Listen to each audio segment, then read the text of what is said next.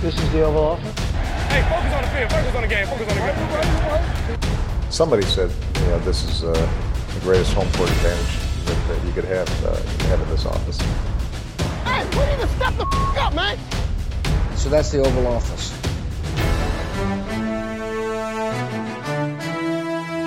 Velkommen indenfor her i det ovale kontor.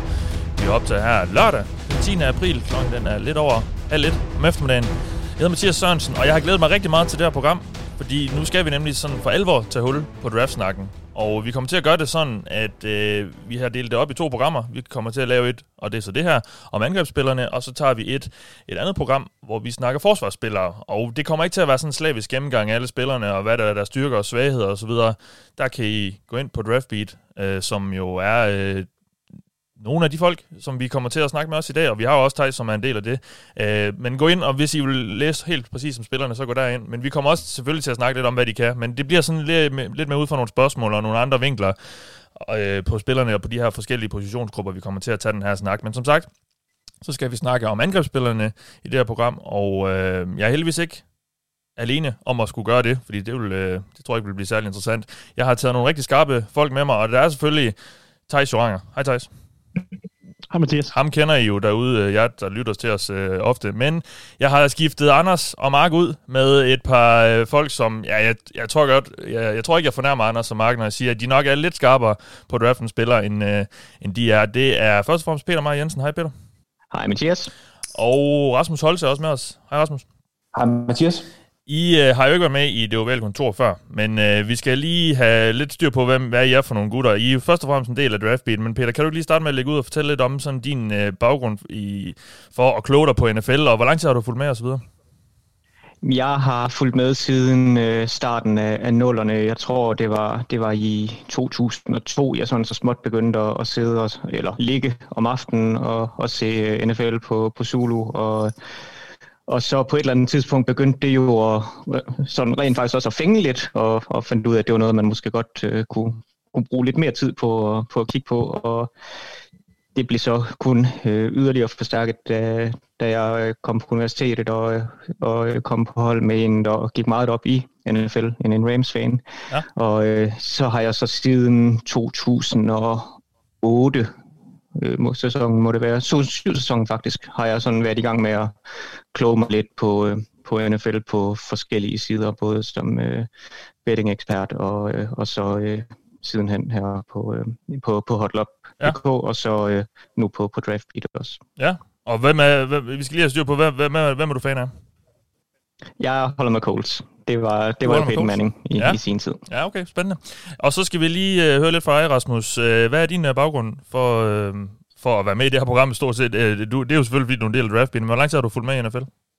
Jamen, øh, nu driller vi til Peter med, at han er den ældste af os, og øh, han siger, han, øh, at det fangede ham i starten af, af nullerne, og det var lidt senere for mig. Øh, jeg, jeg kan lige så godt indrømme det, og hvis der er nogen, der savner øh, Marks Vikings love, så kan jeg øh, lige deklarere, at øh, jeg også er Vikings-fan, og, kom, øh, og fik passionen for, øh, for NFL i 2007, da Adrian Peterson kom ind i ligaen, og øh, det var blandt andet den der Chargers-kamp, hvor han satte rekord for flest rushing yards osv., men ligesom Peter, så, øh, så tog det også for alvor fart, da jeg kom i, i universitetet. Før det havde det været en masse sene aftener derhjemme, hvor bare det var øh, ren hygge, og hvor det kørte i fjernsynet og så videre. Men så, øh, så mødte jeg jo Magnus Bendiksen, som også er en del af, af Draftbeat, og som jeg har lavet tidligere NFL-projekter med. Mm. Og vi begyndte at snakke en masse NFL under vores øh, studiearbejde øh, studiegruppearbejde på RUK. Så, øh, så der fandt vi ud af, at vi ville gøre lidt mere ud af det, og begyndte at sætte det lidt i system, og, øh, ja, og så tog det ligesom fart derfra. Mm. Ja, fedt. Og fedt at have jer med, fordi I, I har jo netop dykket ned i den her draftklasse, og I har lavet en masse scouting reports ind på Draftbeat. Og Thijs, du har jo forklaret lidt om, hvad Draftbeat er, men kan du ikke bare lige, sådan for dem, der måske ikke lige har fulgt helt med, eller hørt det afsnit, lige fortælle lidt om, hvad, hvad er det, I laver ind på Draftbeat, som du jo også er en del af? Øh, ja, vi er, vi er jo fem, altså udover Rasmus og Peter og jeg, så er vi jo Magnus Bendiksen, som Rasmus øh, nævnte, og så øh, Dennis Kortsen også. Øh, vi, øh, vi laver jo mest af alt bare en masse draftarbejde, hvor vi øh, kigger på de her spillere, skriver nogle rapporter om dem, skriver lidt, hvad, hvad er det, vi ser, når vi ser de her spillere, øh, giver vores besøg med, og så vil der så en, en vi er begyndt øh, så småt, men så vil der i de kommende uger op mod øh, draften jo så komme en masse indhold øh, med vores øh, rangeringer, øh, nogle mock drafts, det har der også været nogle stykker af. Det seneste udgave i en to runders mock draft, den kan man gå ind og finde det et par uger siden. Øh, det, det var lige efter 49ers traded op faktisk. Øh, man kan så sige, den har så måske ændret sig noget, øh, baseret på rygter de sidste par uger.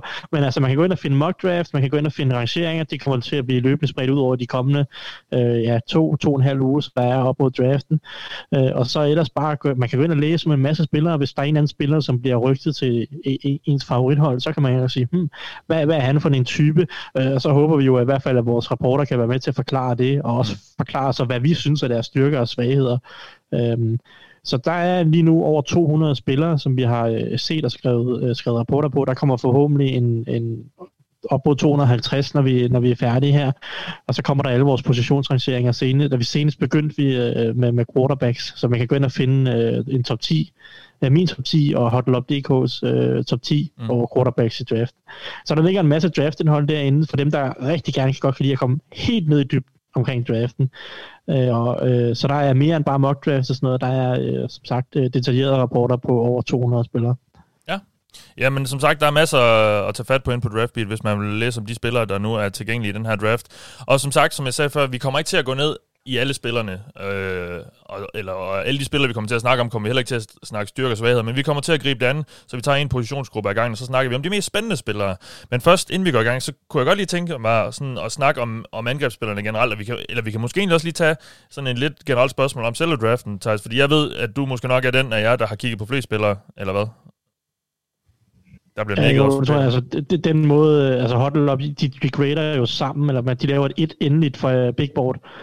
Uh, så de ser en, en hel masse spillere alle sammen og bliver enige af det, og så sådan i, i bredden, som jeg forstår det, det kan Peter og Rasmus jo fortælle om, uh, så ser de, så er der måske kun en af de tre, altså Peter, Rasmus og Magnus, som ser uh, spillerne. Mm. Uh, så jeg ved ikke, hvor mange Huddle Up samlet er op på, men, men jeg har set 193 spillere, tror jeg det blev til i går aftes, øh, den ja. sidste, jeg fik, den seneste, jeg fik til for. Øh, det er jo, øh, så jeg, jeg ved ikke, jeg når over 200 på et eller andet tidspunkt herinde for de næste dage. Ja. Men, øh, men ja. Ja, Peter, hvor, hvor står I? Øh, nu, nu, siger, til, ja. ja nu, nu, Peter, hvordan, nu, nu lyder det til, at I laver det sådan lidt samlet, ja, for, for med hold op baggrunden der. Hvor, hvor, hvor står I hen? Hvor mange har I set og, og vurderet? Og jeg kan ikke huske det eksakte tal. Vi, vi, er på, vi er ikke helt så højt op, som, uh, som Tyson er, men, men vi er på den gode side af, af de 100, og, og er i hvert fald ved at være, være igennem alle de, alle de, uh, de bedste navne. Der, der er lidt mest på den defensive side af bolden, hvor, hvor vi stadig uh, mangler at få kigget på, på nogle spillere. Men på den offensive ja. side synes jeg, vi er, vi er ret godt med på, på de fleste af positionerne. Der, der er selvfølgelig lidt, lidt bredde, der, der mm. mangler at blive uh, dykket ned i, men det er jo det er jo derfor, vi stadig har små 20 dage tilbage. Ja, det er jo det. Men det lyder i hvert fald til, at vi har nogle rigtig skarpe hoveder, og det er jeg også sådan set fuldstændig sikker på. Ellers havde jeg ikke inviteret jer med. Men Thijs, så kan jeg jo lige starte med at spørge dig sådan helt overordnet. Både hvis du kigger helt bredt, også øh, både forsvar og angreb. Den her klasse her, hvis vi sådan holder den op mod det, vi har set det sidste par år, altså er det, hvordan I styrke topniveau og så videre, hvordan, hvordan rangerer du den? Øh, det, det er en sjov overgang, synes jeg. Jeg synes ikke, den er så stærk i toppen generelt, som, som vi så sidste år. Øh, jeg mener, at jeg havde min tredje rangerede spiller i år havde været den 7. og 8. eller noget stil sidste år, bedst rangerede spiller. Øh, så der mangler noget toptalent, men det er måske egentlig meget naturligt, kan man sige, til betragtning af, at college-sæsonen mange steder blev afkortet, eller forstyrret, eller øh, ja, helt aflyst i, i nogle tilfælde næsten. Øh, i, i mange af konferencerne rundt omkring. Så der er måske nogle talenter, hvor man, hvor man lige savner, at de tager det sidste skridt, øh, trods alt. Så, så, øh, og så er der også, også nogle spillere, som slet ikke spillede i, i, i 2020, kan man sige. Der er jo også nogle topnavne der. Jamar Chase, øh, wide receiver, Penny Sewell, øh, offensive tackle. Og så nogle, som hvis de havde spillet, havde de måske løftet deres spil på et niveau, som havde givet dem en endnu højere grade, mm. øh, som, som, som så havde været mere. Men, så, så den er lidt tynd i toppen. Men det, så synes jeg faktisk, at dybden er rigtig god på, på anden dagen af draften. Øh, hvis man kommer ned, jeg synes ikke forskellen faktisk på spiller nummer 30 og spiller nummer 70 er så stor i år. Øhm, så jeg synes, der er et sweet spot der i den tredje runde, som er rigtig fornuftigt. Ja. Øh, den, sådan, den rigtige scene dybde er også lidt ramt, fordi der er mange øh, seniors, der fik lov til at vende tilbage, for netop på grund af alt det her med aflysninger og afkortelser og hvad ved jeg, så havde alle sådan set muligheden for at tage et år mere i college, også dem, som ellers ikke havde haft det. Øh, så der er mange sådan i de lidt senere runder, som har valgt at sige, okay, jeg tager et år mere i college. Mm. Så den er sådan lidt tynd i toppen, lidt tynd i bunden, men der er faktisk noget kvalitet i midten, synes jeg. Ja, Jamen, øh, så lad os zoome lidt ind øh, på, på angrebsspillerne, Rasmus. Øh, eller vi kan faktisk også lige, fordi nu, nu bliver det jo nævnt det her med, at rigtig mange spillere simpelthen ikke har spillet øh, sidste, den sidste college-sæson, som jo også i flere konferencer var forkortet, eller slet ikke blev spillet osv. Hvordan har det påvirket din vurdering af de her spillere, som du man måske nogle gange har skulle et eller to år tilbage for at finde noget tape på? Jamen det er klart, at der er nogle spillere, der er simpelthen et hul i deres udvikling. Altså man ved ikke, om de havde kunne tage det der lille skridt, man sidder og, og venter på, om det enten er noget teknisk, eller om... Altså for eksempel en spiller som Jamar Chase, der havde en lille smule svært ved at separere, hvis man går langt tilbage. Der var han også ekstremt ung, og øh, altså der er bare nogle huller i ens evaluering. Og så faktisk, øh, hvis vi skal tale om noget lidt andet end, øh, end det film, der mangler på dem, så har det jo også været en offseason, hvor ikke man har fået den der fælles referenceramme for Combine. Altså det, det kan godt være, at nogen kalder det Underwear Olympics, og ikke lægger det, tillægger det den helt store værdi. Men alene det at få, få spillerne samlet øh, og give en fælles referenceramme, du får dem målt, du får dem varet, øh, du får en fælles database, hvor du kan se, hvor, hvor høje de er, hvor meget de vejer, hvor hurtigt de løber, hvor lange arme de har, hvor store hænder de har. Altså alt det her har man skulle øh, finde i brudstykker på andre måder. Og det er sket ud til de her øh, pro days på, øh, på, på de forskellige universiteter, hvor altså traditionelt set skal man gange deres resultater med 0,1 eller andet for at finde øh, den rigtige fart, eller det, altså mm. der er ligesom en eller anden form for, for bias, og den skal man ligesom også øh, arbejde sig ud af. Jeg ved, at vi har haft øh, nogle interne diskussioner med blandt andet også Dennis, som ikke tillægger øh, det lige så meget værdi der er kommet de her øh, RAS cards, øh, som, som en, øh, en, en ret dygtig fyr på, på Twitter, han deler, ligesom øh, akkumulerer de her, øh, de her atletiske testresultater og, og så spytter ud, hvor god en atlet der er, og så har han ligesom udregnet nogle thresholds for, hvad er gennemsnittet for en solid starter, eller for en øh, all-pro, eller et eller andet på de her positioner. Og der bliver det bare svært at sammenligne i år, fordi at du ikke ved, om du skal trække 0,15 fra 40-yard-tiden, eller om du skal altså, lægge det til. Øhm, så det, der er en ret stor usikkerhed forbundet med at sammenligne sådan æbler til æbler i år, og det synes jeg, der er, øh, det er en lille smule øh, besværligt. Og det lyder så som om, der måske...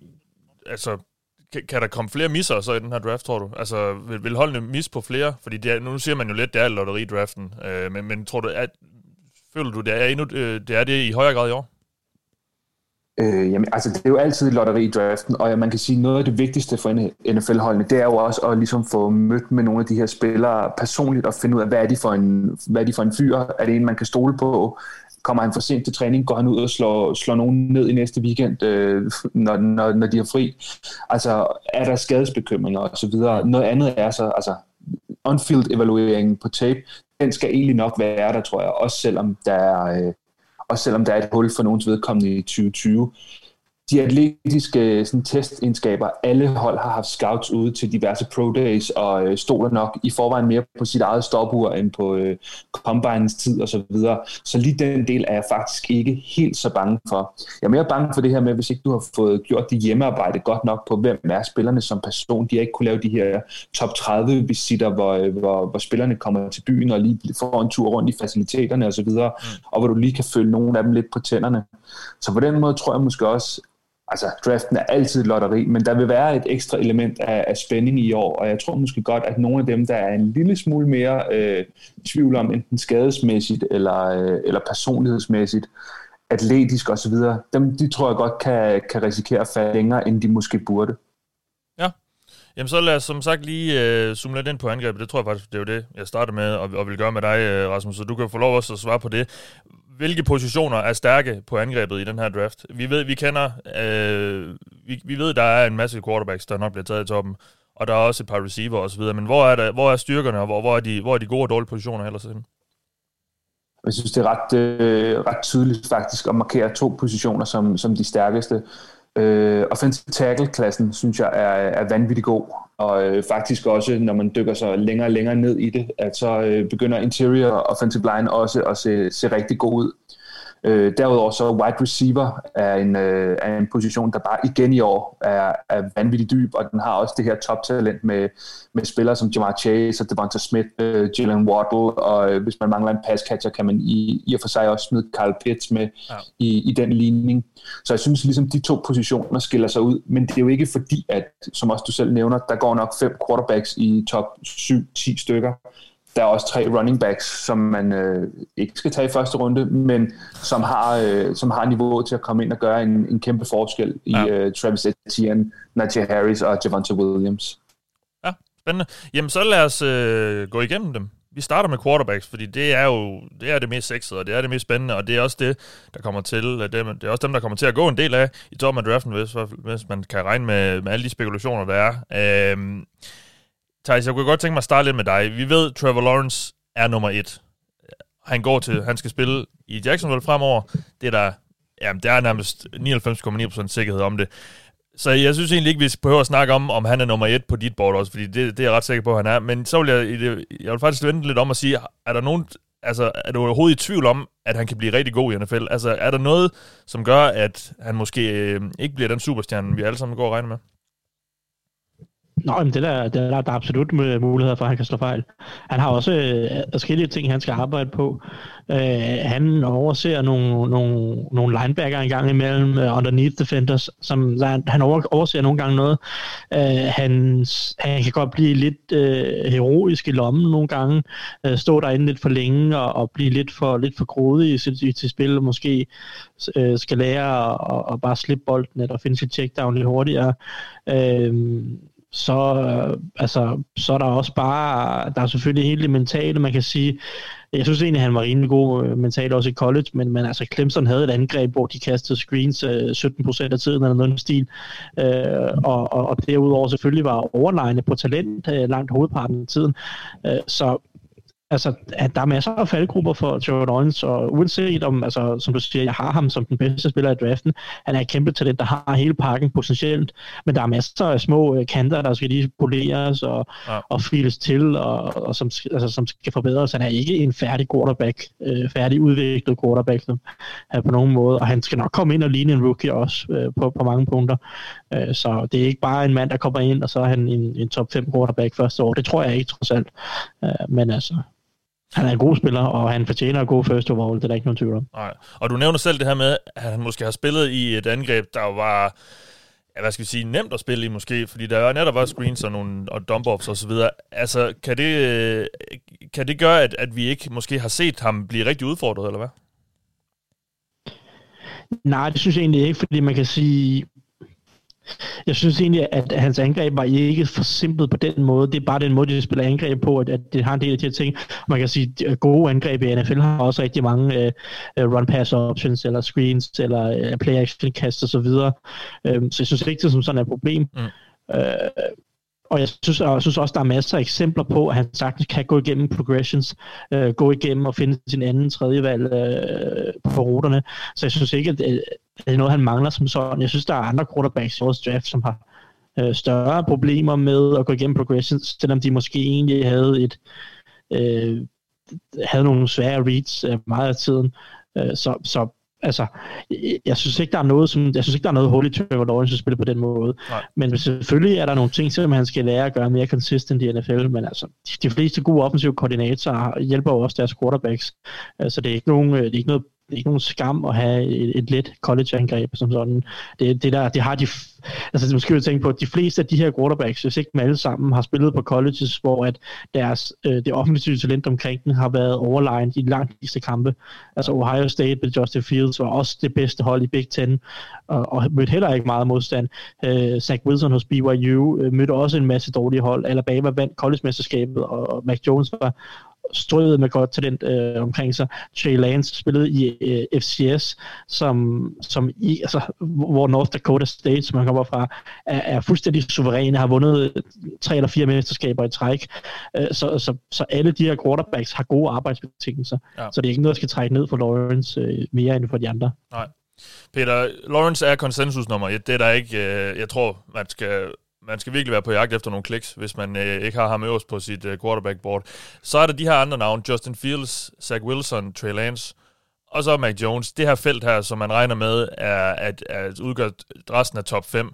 Øh, hvem har du som nummer to, og, og hvor tæt er det her felt egentlig, i dine øjne? Øhm, jeg synes, det er et, øh, et, et tæt felt, når man snakker nummer to og nummer tre. Øh, jeg, jeg har Fields og Wilson mere eller mindre side om side. Øhm, med, jeg, jeg havde egentlig Wilson som nummer to i usandsynlig lang tid. Der, der har været nogle... Øh, de sidste measurables, der er kommet ind, har, har trukket uh, Fields op som, uh, som toer hos mig. Jeg har en lidt bedre fornemmelse omkring uh, Zach Wilson, end jeg har omkring Fields, men det er, det, den er tæt mellem de to, synes jeg. Uh, og og jeg, jeg tænker ikke, man går galt i byen med, med nogen af dem. Mm. Uh, selvfølgelig er der, som, som Thijs påtaler, der er, der er nogle ting, man, man, man kan bekymre sig om ved dem begge. Det er det, der har været noget forsimplet øh, i, i nogle af systemerne. Der har været noget level of competition, når man snakker også Zach Wilson. Han har absolut også nogle øh, bekymringer i sit spil, øh, plus noget skadeshistorik. Øh, der, der er ikke nogen af dem, jeg, jeg på nogen måde føler er øh, can't miss prospects, og det, det tror jeg også efterhånden, at øh, den historik, vi har set på quarterback i, i de sidste ja, den sidste uendelighed i bund og grund, øh, vidne om, der, der er ikke noget, der er sikkert, når man snakker quarterbacks. Det handler i så høj grad om at, at komme ind i og have de rette betingelser. Der, der er nogle enkelte få, der, der måske kan, kan formå at, øh, at overkomme, at, øh, at betingelserne ikke er der. Øh, en Andrew Luck var delvist i stand til det, og, men var jo også anset som et, et, generational prospect, ja. og alligevel, nu er, det, nu er det ni år siden, han bevalgte, og han er ude af ligaen på grund af skader. Mm. Øhm, ja, you, you can go wrong. Ja, det er det. Og øh, jeg synes jo faktisk især, øh, historien om Justin Fields er lidt, er lidt øh, vild, fordi da jeg sådan, øh, jeg synes i løbet af efteråret og sådan noget, der var hele tiden og sådan op til, ja, i løbet af NFL-sæsonen, man snakker om de her hold, der lå øh, til at skulle drafte til toppen. Altså, det var sådan hvem fik øh, Trevor Lawrence, og hvem fik Justin Fields? Nu virker det meget som om, at Wilson har overhældet Fields. Altså den her historie om Wilsons draft-værdi, eller draft, øh, man snakker om de her stock, altså i øh, aktieværdi, som jo som det kan oversættes til på dansk. Øh, altså, hvad, hvad, hvad tænker du om Fields og alt det her med? Fordi så er der meget kritik af, kan han læse, han spillet godt nok, og, og ja, så var der Dan Orlovski derude og sige, at han har hørt noget om, at han ikke havde så god arbejdsmoral, og det blev så skudt rimelig meget ned, og det fik han ret meget kritik for, fordi det kom mere eller mindre alle ud og sagde, at det, var, det passede ikke. Altså, hvor, hvor, hvor står du med Fields, og, og, og hvad, skal vi blive, hvad skal vi tro om ham? For mig, der, det, det jeg er bekymret om, det er, at jeg synes, hans lowlights er øh, virkelig, virkelig low. Altså han, han, han kan være fantastisk, når, når, han, når det kører for ham, og det var det, det gjorde i høj grad i starten af sæsonen. Altså han havde jo flere touchdowns end uh, incompletions, så vidt jeg husker, i et godt stykke ind i sæsonen. Uh, det gik ikke helt så godt mod slutningen af sæsonen. Der var en Northwestern-kamp, hvor han, øh, hvor han ikke just imponerede. Mm. Og, og det kan være med til at have, have påvirket noget. Så, så der er noget i forhold til, at når, når, det, når det er gået galt for ham, så er det gået i perioder ret galt. Og jeg er også enig i, at han skal blive hurtigere til at processere det, han, øh, det, han ser, og, og tage den rette beslutning. Øh, men det skal, det skal Zach Wilson også. Øh, det, det skal uh, Trevor Lawrence også. Altså, Trevor Lawrence er også nogle gange for langsom at tage beslutninger, og, og tager heller ikke altid den rette beslutning. Mm. Så det, det er ikke på den måde noget, jeg synes, der er øh, kritisk, men det, det er da en bekymring, og det er noget, der han skal, han skal have arbejdet på, og noget, hvor han måske som i hvert fald tidligt i karrieren skal have noget hjælp fra, fra sin playcaller og, og fra hele det offensive system til, til at kunne overkomme. Øh, men, men ellers så, det, det er svært ikke at, at hæfte sig ved, at, øh, at, at, at vi ser det her, som, som, som du lidt øh, snakker om med, med Orlovski og, og hele racediskussionen, at, at den på en eller anden måde kommer ind og spiller ind, fordi øh, Mac Jones er jo, altså han er, han er kridhvid, og han er, han, han, er, han, er, han er det, som mange øh, old school øh, quarterback coaches nok godt kan lide. Ja, han ligner og, sådan en, øh, så ja. har vi, og så har, ja, og, og så har vi Fields, der er sort, og han er, altså, når man så ser, at, at Mac Jones han begynder at, at, at blive løftet op i rangeringerne, og, og Fields han bliver kritiseret for nogle ting, der man ret beset kan kritisere hvem som helst for, så, så er det da svært ikke at, øh, at få mistanken om, at, at vi ser, hvad vi også har set før, at, at der kommer en eller anden form for, øh, øh nok ikke bevidst, men, men at, at der kommer et eller andet racespørgsmål ind i det her. Altså vi, vi så jo også for... Øh, for, for et par år siden med, var det, jeg tror det var Stephen A. Smith, øh, ikke at vi nogensinde bør lægge, hvad han siger, til det er nogen værdi, ja. men hvor, hvor han begynder at snakke om, at øh, Dwayne Haskins er super mobil. Gud fanden er han ej, men, men han var sort, ja. og, og derfor så må han jo være mobil. Altså, det, der, der ligger jo de her stereotyper ind, øh, som... Øh, som vi har set så tit, og altså sneaky athletic på, på hvide øh, spillere, altså der har vi Josh Allen, altså han er ikke sneaky athletic, han er mm. athletic as hell, ja. og øh, altså det, det, det er den der, man, man kan meget vel se, at det er det, der kommer ind og, og spiller ind her. Mm. Og din tidligere general manager, Bill Polian, der mente, at Lamar Jackson, han, øh, han, oh, han, skulle, han kunne lige så godt spille ja, receiver. Nej. Ja, det, behøver vi ikke åbne. Let's not go there. Nej, let's, øh, let's not go there. Men ja, det, det, jeg synes, det har været en lidt vild historie med, med Fields i hvert fald, og øh, og det er jo spændende at se, synes jeg, hvor han ender, fordi det, det, det er meget all over the place. Så læser man nogen, øh, eller så er, der, så er der historier ud om, at nogen har ham, vil ikke tage ham nærmest i de første tre runder, og så er der andre, der synes, han er en top 5 spiller. Altså det virker som om, han deler vandene meget. Øh, Rasmus, jeg kunne godt lige tænke mig at snakke lidt med dig om, om Trey Lance, fordi han er jo sådan, han er jo øh, øh måske sådan lidt den, der er blevet glemt i alt det her hype over de sidste par uger, synes jeg, øh, på en eller anden måde. Øh, han er jo sådan lidt et projekt, er han ikke det?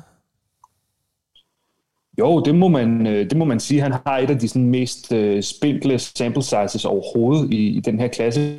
Altså, han har faktisk ikke spillet særlig meget. Um, har, har han ikke startet flere kampe end Mike Jones? Det... Der, måske. der, der fanger Ej, du lige ja. på, på, på noget mere... Jeg kan bare huske, at der har været snakket om det der sample size. Uh, I'm sorry. Uh, men jeg tror faktisk, at jeg tror, han har startet cirka lige så mange kampe som Mac Jones i virkeligheden. Ja, okay. Men det er selvfølgelig er, på et meget lavere niveau. Ja, det, er, det er på et lavere niveau, og, og har aldrig rigtig været, været presset som sådan. Altså, og, men, men han er jo bare spændende, fordi han har den her prototypiske størrelse og atletiske egenskaber, og er nærmest skabt til det her moderne NFL med en stærk arm og evne til at skabe noget med fødderne uden for strukturen, og øh, altså, har egentlig også ret godt, sådan, øh, ret godt fundament for det, han gør. Han, han har rimelig gode øh, mechanics, hans fodarbejde er, er hurtigt og effektivt, og og altså arbejder okay i lommen. Nogle af de her ting, som det er hårdt arbejde at skulle tage en, en quarterback, og så lære ham nogle af de her helt fundamentale ting. Man kan godt rette lidt på det, men hvis ikke han bevæger sig ordentligt, hvis ikke han kan skabe uden for strukturen, hvis ikke han kan bevæge sig i lommen osv., så, videre, så, øh, altså, så er der bare lang vej, synes jeg. Det, det er ligesom nogle af de ting, man skal kunne. Det samme med accuracy. Det er ikke rigtig noget, man kan tillære sig, og det synes jeg faktisk også, han gør øh, ret godt og træffer okay beslutninger. Øh, jeg mener, at i 2019-sæsonen, som er det sidste, vi har fra ham, der kastede han øh, lige under øh, 300 gange uden at kaste en interception, hvilket også er, er, er rekord for flest kast uden. Øhm, så, altså, så der er jo en hel masse at kunne lide. Til gengæld så har han kun spillet øh, Altså så har han spillet for North Dakota State, som ikke nærmest har mødt en, øh, en værdig modstander, og de her forsvar i FCS er ret langt fra NFL-standard, så han har haft mere tid, og altså den eneste, det var sjovt, den sidste, den eneste defensive spiller, han mødte øh, i sidste år, eller i 2019, det var øh, Illinois, South, øh, Southern Illinois Jeremy Chin, der blev valgt af Panthers. Så man kan sige, level of competition er et ja. ret stort spørgsmålstegn, når han skal tage det her skridt for NFL. Øhm, vi så Carson Wentz øh, gøre det, og øh, til at starte med så det ud som om, at det var et fantastisk gamble, men lige nu så, øh, så er der jo også relativt store spørgsmålstegn om, hvad Carson Wentz egentlig er i, i NFL. Ja, det må man sige. Så, øh, altså, så, så ja, en svær evaluering, og det vil nok ja. kræve, hvis man tager chancen på ham. Nu, nu er vi jo også røget ind i den debat med, med 49ers, der har handlet sig op til tredje valget osv. Hvem det er, de kigger efter. Mm. Altså, tager man en sæson mere med Jimmy Garoppolo, så er Trey Lance måske et godt bud, øh, hvis han skal sidde på bænken og lære lidt og, og akklimatisere sig til, til NFL. Men, men hvis man vil ud og vinde nu og have det fulde potentiale, så er det måske ikke ham. Og lad os lige få styr på det her med FCS og når vi snakker det her med college-niveau, fordi der, er måske mange, der ikke lige er helt, og det er også ret, for, ret forvirrende, hvordan det er inddelt, det her FCS. Altså, kan du prøve sådan, øh, kan du komme med en sammenligning, sådan, så dem, der sidder derude og måske ikke lige helt ind i det, kan vurdere, hvad North Dakota State, hvad niveau spiller de på i forhold til Alabama, for eksempel? Mm, jeg ved ikke, hvordan man kan lave sådan en direkte, en direkte sammenligning. Jeg ved ikke, er du mere øh, skarp i det, Thijs? Jamen, jeg tror ikke, man kan lave en sammenligning. Altså, er det sådan en første division af Superligaen? Man skal huske på, Ja, altså man skal tænke på, i college er der fem store konferencer. I, altså, der er ligesom første, der er den øverste række, det er FBS, og så er der den nummer to, det er FCS, altså med C, FBS og FCS, og så er der anden division og tredje division under det. Så der er ligesom fire store lag, man skal sige. Og så i, den, i det øverste lag, det er med FBS, der er der fem store konferencer med de bedste hold, og fem lidt mindre konferencer. Og FCS er så under det, så det er jo sådan noget anden division hvis man skal ligge på det. Og man skal huske på, at de allerbedste hold, Alabama, de smadrer jo, vinder med 20-30 point mod, øh, i, altså, hvad er der, fem konferencer, der er omkring 60 hold i de der fem stærke konferencer. Det er vel kun ret beset fem eller seks hold, i de konferencer, som Alabama ikke vinder med 20-30 point over. Fordi ja. Alabama har NFL-spillere på alle positioner. Som Rasmus siger, det er, kommende, ja. altså Trey ja. Lance, han har vel i sin, Øh, ja, altså jeg er kommende NFL-spiller selvfølgelig, men, men som Rasmus siger, Trey Lance har måske i den her 2019-sæson, hvor han spillede 16 kampe for North Dakota State, han har måske mødt, hvad skal vi snart på tasken, 10-15 NFL, kommende NFL-spillere. Ja. Hvorimod uh, Mac Jones møder 10-15 kommende NFL-spillere om ugen. Mm. Øh, så, så niveauforskellen er kæmpestor. Men, men, men problemet for, altså, men, men jeg kan sige, Trey Lance, han har jo så heller ikke så gode spillere omkring sig. Så der er jo hele tiden det her, nu ved jeg godt, at North Dakota State var bedre end dem, de mødte. Øh, så der er jo sådan stadig noget med, at han, han skal skille sig ud, og det gør han så også. Øh, men det er jo sådan noget, det er jo anden division mod Superliga-agtigt okay. øh, niveauforskel, når vi snakker FCS mod, ja, ja. mod Alabamas konference SEC. Ja, vi bliver lige ved Alabama, Thijs, fordi vi skal lige snakke lidt Mac Jones. Uh, fordi han er jo sådan en, yes. der, der, som jeg synes lidt er kommet ud af ingenting. Uh, nu følger jeg ikke uh, slavisk med i college football, når sæsonen er i gang og sådan noget, men igen, det var uh, Tra- Trevor Lawrence, man snakker om, det var Justin Fields, og jeg har også hørt lidt om, om Trey Lance og, og Zach Wilson og så videre. Og så var der ham her, Mac Jones, som jo uh, havde taget over for Tua og, og så videre, og så fører han jo Alabama til et mesterskab, og uh, jeg, jeg synes stadigvæk ikke, man hører sådan mega man. Så lige pludselig inden for de sidste måned eller to, så, så er han lige pludselig en spiller, som er relevant i den her snak om, hvem der kan gå i toppen af draften. Jeg ved, du ikke er særlig begejstret for ham. Øh, altså, hvad skal vi synes om ham? Altså, han kan vel godt, han, han, er, han har vel noget NFL-potentiale, eftersom en, en mand som Kyle Shanahan er angiveligt øh, har taget et, et godt kig på ham. Ja, selvfølgelig har han det. Øhm, nu kan jeg se, at Peter og Rasmus, de har de samme, den samme skepsis omkring ham. Ja, ja. Øh, jeg synes jo bare ikke, han er et top 5-valg, eller top 10-valg for den sags skyld. Mm. Hvis man skal tage ham, så skal man tage ham i nederste halvdel af første runde. Øh, det er min holdning omkring ham. Øh, men, men selvfølgelig har han da noget potentiale og noget talent. Peter nævnte det her med, at han er, han er god. Han er, altså, de her quarterback-trænere af den gamle skole kan formentlig godt lide ham, fordi han, han læser spillet godt, han er ret præcis, han kan levere bolden med timing. Altså, når du beder ham om at kaste en slant med det, altså med, på det tidspunkt, på den position, øh, der, altså til den, en eller anden receiver, så gør han det sådan der, og det kan, det kan han repetere øh, 20 gange i træk med den samme øh, præcision, øh, og det er alt sammen mægtig fint. Øh, og det er ligesom det, som, som er hele appellen ved ham, det er, at du kan, du kan sætte ham ind og bede ham om at køre et system, og hvis ellers receiverne er åbne, og timingen passer, og den offensive linje gør sit job, så fungerer det. Og det var også det, de gjorde hos Alabama. Han havde en rigtig god sæson. Han havde en bedre sæson, end Tua havde øh, hos Alabama. Øh, og de vandt jo også mesterskaber. Det var så også, man kan sige, at den offensive linje var væsentligt bedre i det år her med, øh, med Mac Jones, end den var hos Tua i 2019. Men, men nok om det. Men altså, så, så han er jo god på, på altså den mentale side af spillet, og han kaster bolden præcist. Altså det, det, det, er, det er hans helt store salgspunkter, de to store salgspunkter.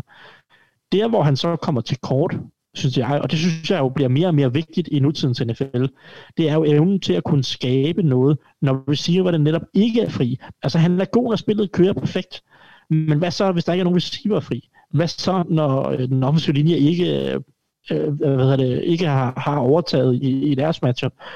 øh, så, så faldt hans præcision en hel del. Øh, vi har både øh, øh, PFF, øh, jeg har set Benjamin Solak fra The Draft Network. Øh, jeg har set øh, Derek øh, uh, Clarsen, som skriver noget for Roto World, øh, som så hedder NBC nu, eller hvad det gør. øh, som alle sammen har lavet charting. Altså, de har siddet og taget alle kastene, og sådan sagt, okay, hvor, altså, hvor præcis er han i de forskellige situationer.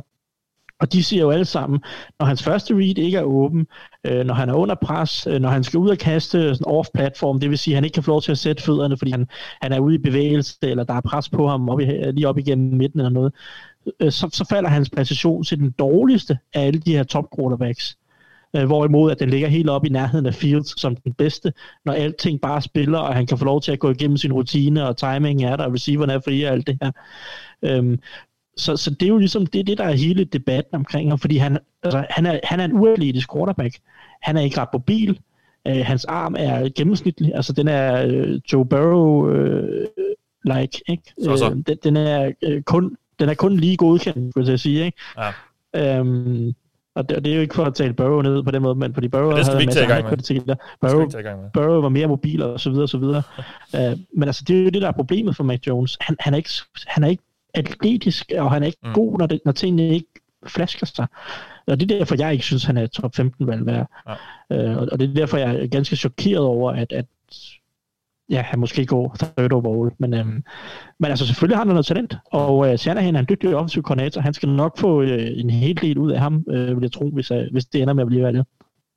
Ja, jeg vil gerne lige, jeg vil, jeg vil gerne hoppe ind og, og supplere Thijs, fordi nu, øh, altså nu snakker vi jo Carl Shanahan fedtet hos 49ers med, med Mac Jones, og øh, som Vikings-fan, så lever jeg jo med, med Kirk Cousins lige nu, og med både de positive og negative sider, man får af ham.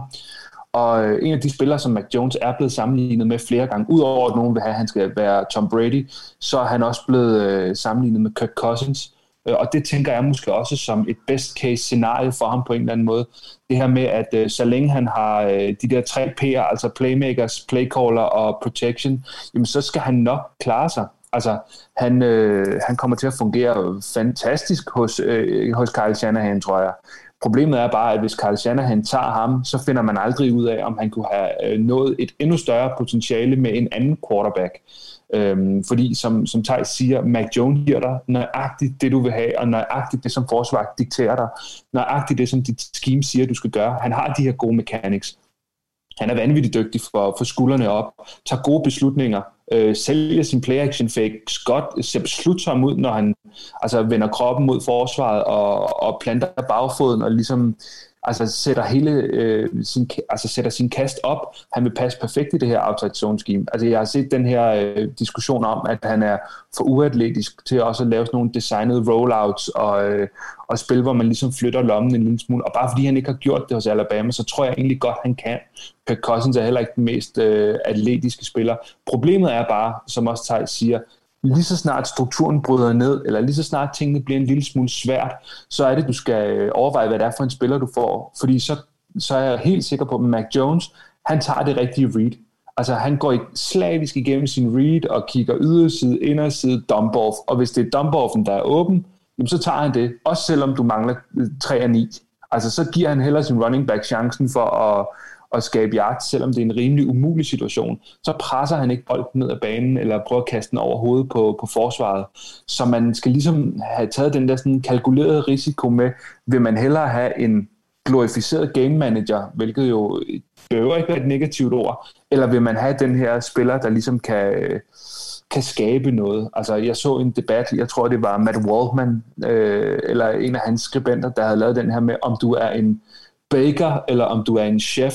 Og til at starte med, synes jeg lidt, det var øh, en irriterende analogi, men det her med, at øh, nu kan jeg også godt selv lide at begå mig i et køkken, men jeg hader at bage, fordi det er sådan, det er millimeter præcist, at du skal måle og veje ting, og ja. det er sådan, åh, det bliver lidt by the book.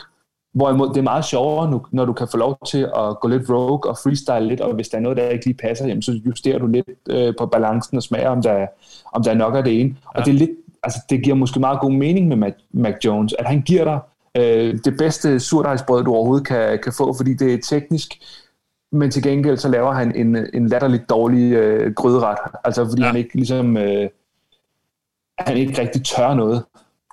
Ja, det, den kan jeg godt lide, den sammenligning. Det, det er faktisk godt. Øh, Peter, jeg vil godt lige snakke lidt med dig, øh, fordi øh, der er jo de her fem store navne her, og det var der også lidt i 2018, og det er jo måske noget, de fleste af os stadig kan huske.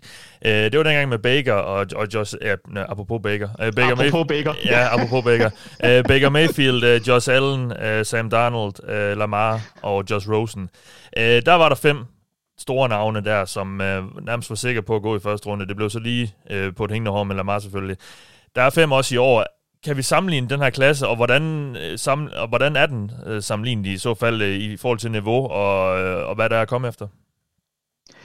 Ja, altså jeg, jeg har godt set sammenligning, men jeg synes egentlig, hvis man skal sammenligne hele klassen som helhed, så synes jeg, og det, det har jeg også skrevet i, i de rangeringer, vi har lagt ud på, på quarterbacks, jeg synes faktisk, at 2012-draften er, er mere sammenlignelig, men jeg kan godt lige prøve at starte med øh, 2018, fordi hvis vi ser på den nu her, altså vi, vi har en Baker Mayfield, der trods alt, han er, han er måske ikke blevet en, en world beater, men han, han er en, en solid starter. Vi har en Lamar Jackson, der har været MVP. Vi har en Josh Allen, der i hvert fald en sæson nu har, har øh, brudt lydmuren mere eller mindre. Nu, jeg vil gerne lige se det et år mere, men altså, det, det er trods alt tre af de fem spillere her, der, der har etableret sig som gode eller bedre quarterbacks. Så har vi Sam Darnold, der ikke rigtig er blevet til det store, øh, for en ny chance hos Panthers, og vi har Josh Rosen, der aldrig rigtig blev til noget.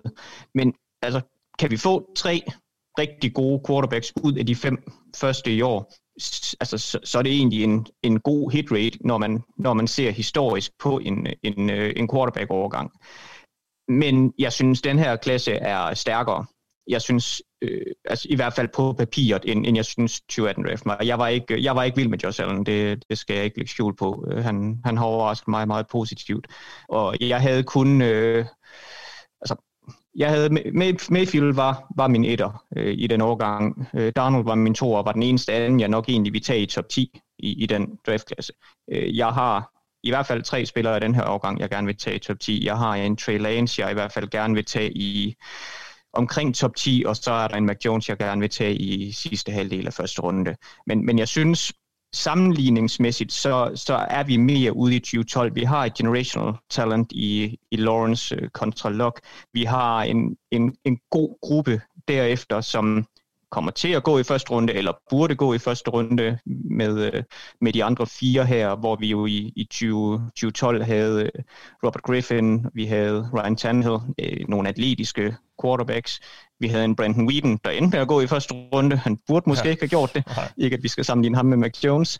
Øh, vi havde en Russell Wilson, der, øh, der burde være gået i første runde. Øhm, og havde han været 10 cm højere, så var han også gået i første runde af stadig overbevist om. Det, det var noget af det her old school tankegang igen. Ja. Øh, og så har vi derefter egentlig en, en solid dybde også. Vi, vi har, altså vi, hvis vi tager 2012-draften, vi havde en Kirk Cousins, øh, der endte med at gå i, i fjerde runde. Vi havde en Nick Foles, øh, vi havde en Brock Osweiler, ikke at jeg er, er vild med ham, øh, eller var vild med ham, men altså trods alt spillere, der, der endte med at starte, en, der har endt med at, med at starte en, og vinde en Super Bowl, en, der, der trods alt har etableret sig som en af de bedre, en, en, en, en jeg ved ikke, om vi skal sige top 10 eller top 15 med Kirk Cousins. Det er også ligegyldigt, men i hvert fald en, en, en, en af de bedre quarterbacks i ligaen, i den, i den bedste halvdel. Og kan vi få det i år? Altså, vi har, en, vi har jo en dybde i år med, med, med spændende upside-talenter i en Davis Mills, en Kellen Mond, en Jamie Newman. Jeg ved ikke, om jeg tror helt så meget på ham.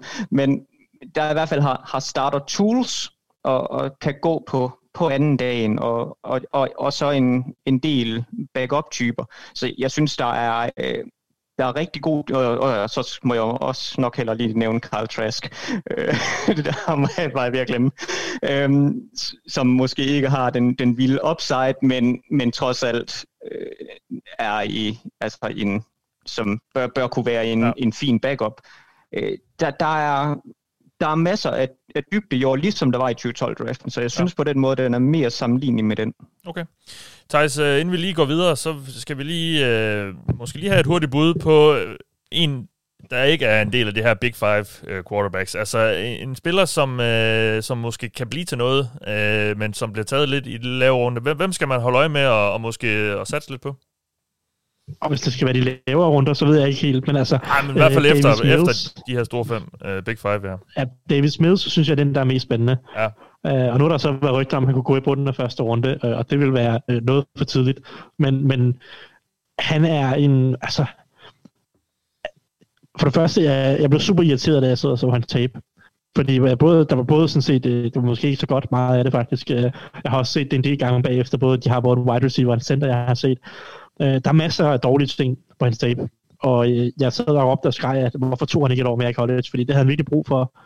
Øh, han har ikke startet så mange kampe, og han er bare meget upoleret i sådan den mentale del af spillet, og hans beslutningstagen og så videre.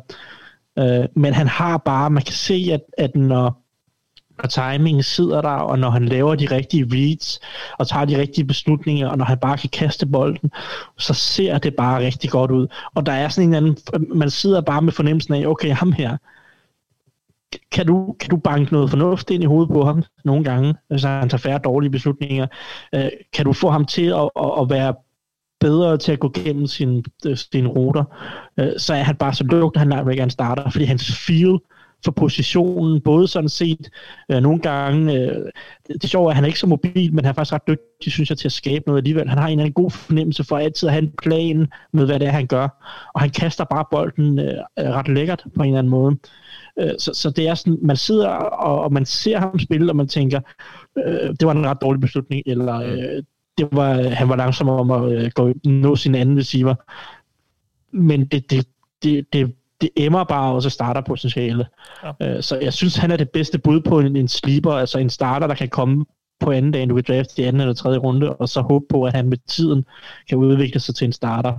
Øh, men altså, der er noget vej endnu, og jeg forstår ikke, hvorfor han ikke tog et år mere i college, fordi så kunne han have etableret sig som et første runde talent. Men, men ja, nu, nu bliver han sådan det her projekt. Ja. Øh, men jeg synes, det er spændende. Øh, det, det, er bare, det er også, der er også bare mange ting, som ikke er så godt lige nu. Modtaget. Jamen, øh, jeg synes, det var, øh, det var quarterback-snakken. Lad os gå videre til running backs. Fordi vi skal jo snakke lidt om dem. Uh, uh, der er jo sådan en, et, et par navne der, synes jeg, i toppen. Uh, Travis Etienne og, og Najee Harris er sådan de, de store navne. Uh, Rasmus, jeg ved ikke, altså, jeg har jo egentlig, jeg har jo i forberedelse til det her spurgt jeg lidt om, er der overhovedet nogen, der er værd at tage i første runde? Det ved vi ikke. Sådan, og, hvis, hvis vi, og det er så med det en mente, at vi ser lidt bort fra positionsværdien. Men er der nogle talenter her, altså, som, som, som, hvor man tænker, okay, det er måske ikke, det er ikke helt langt ud i hampen at tage dem i første runde, eller hvad? Altså, jeg vil starte med at sige, at jeg synes, det er en rigtig dårlig idé at tage en uh, running back i første runde. Altid. Ja. Med mindre dit hold er fuldstændig uh, sprængfyldt med talent, og det eneste, du mangler, er en running back på en billig kontrakt. Når det så er sagt, når vi grader inden hos os på, på Huddle Up, så gør vi det uden det, vi kan kalde positionel værdi. Altså det er klart, at quarterbacks de vil blive presset fuldstændig, øh, altså de vil blive presset op i draften helt automatisk, fordi det er en vigtigere position, og running backs vil blive presset ned i draften, fordi at altså running backs don't matter. Altså du kan mm. godt finde en running back i tredje, fjerde, femte runde, uh, undrafted free agency for den sags skyld, og sætte ind i de rigtige systemer for ham til at se produktiv ud det er ikke lige så vigtigt. Men hvis man måler alene på talent, så har vi faktisk både Travis Etienne, vi har Javonte Williams, og vi har øh, Najee Harris med første runde grades. Ja. Øhm, også i den rækkefølge.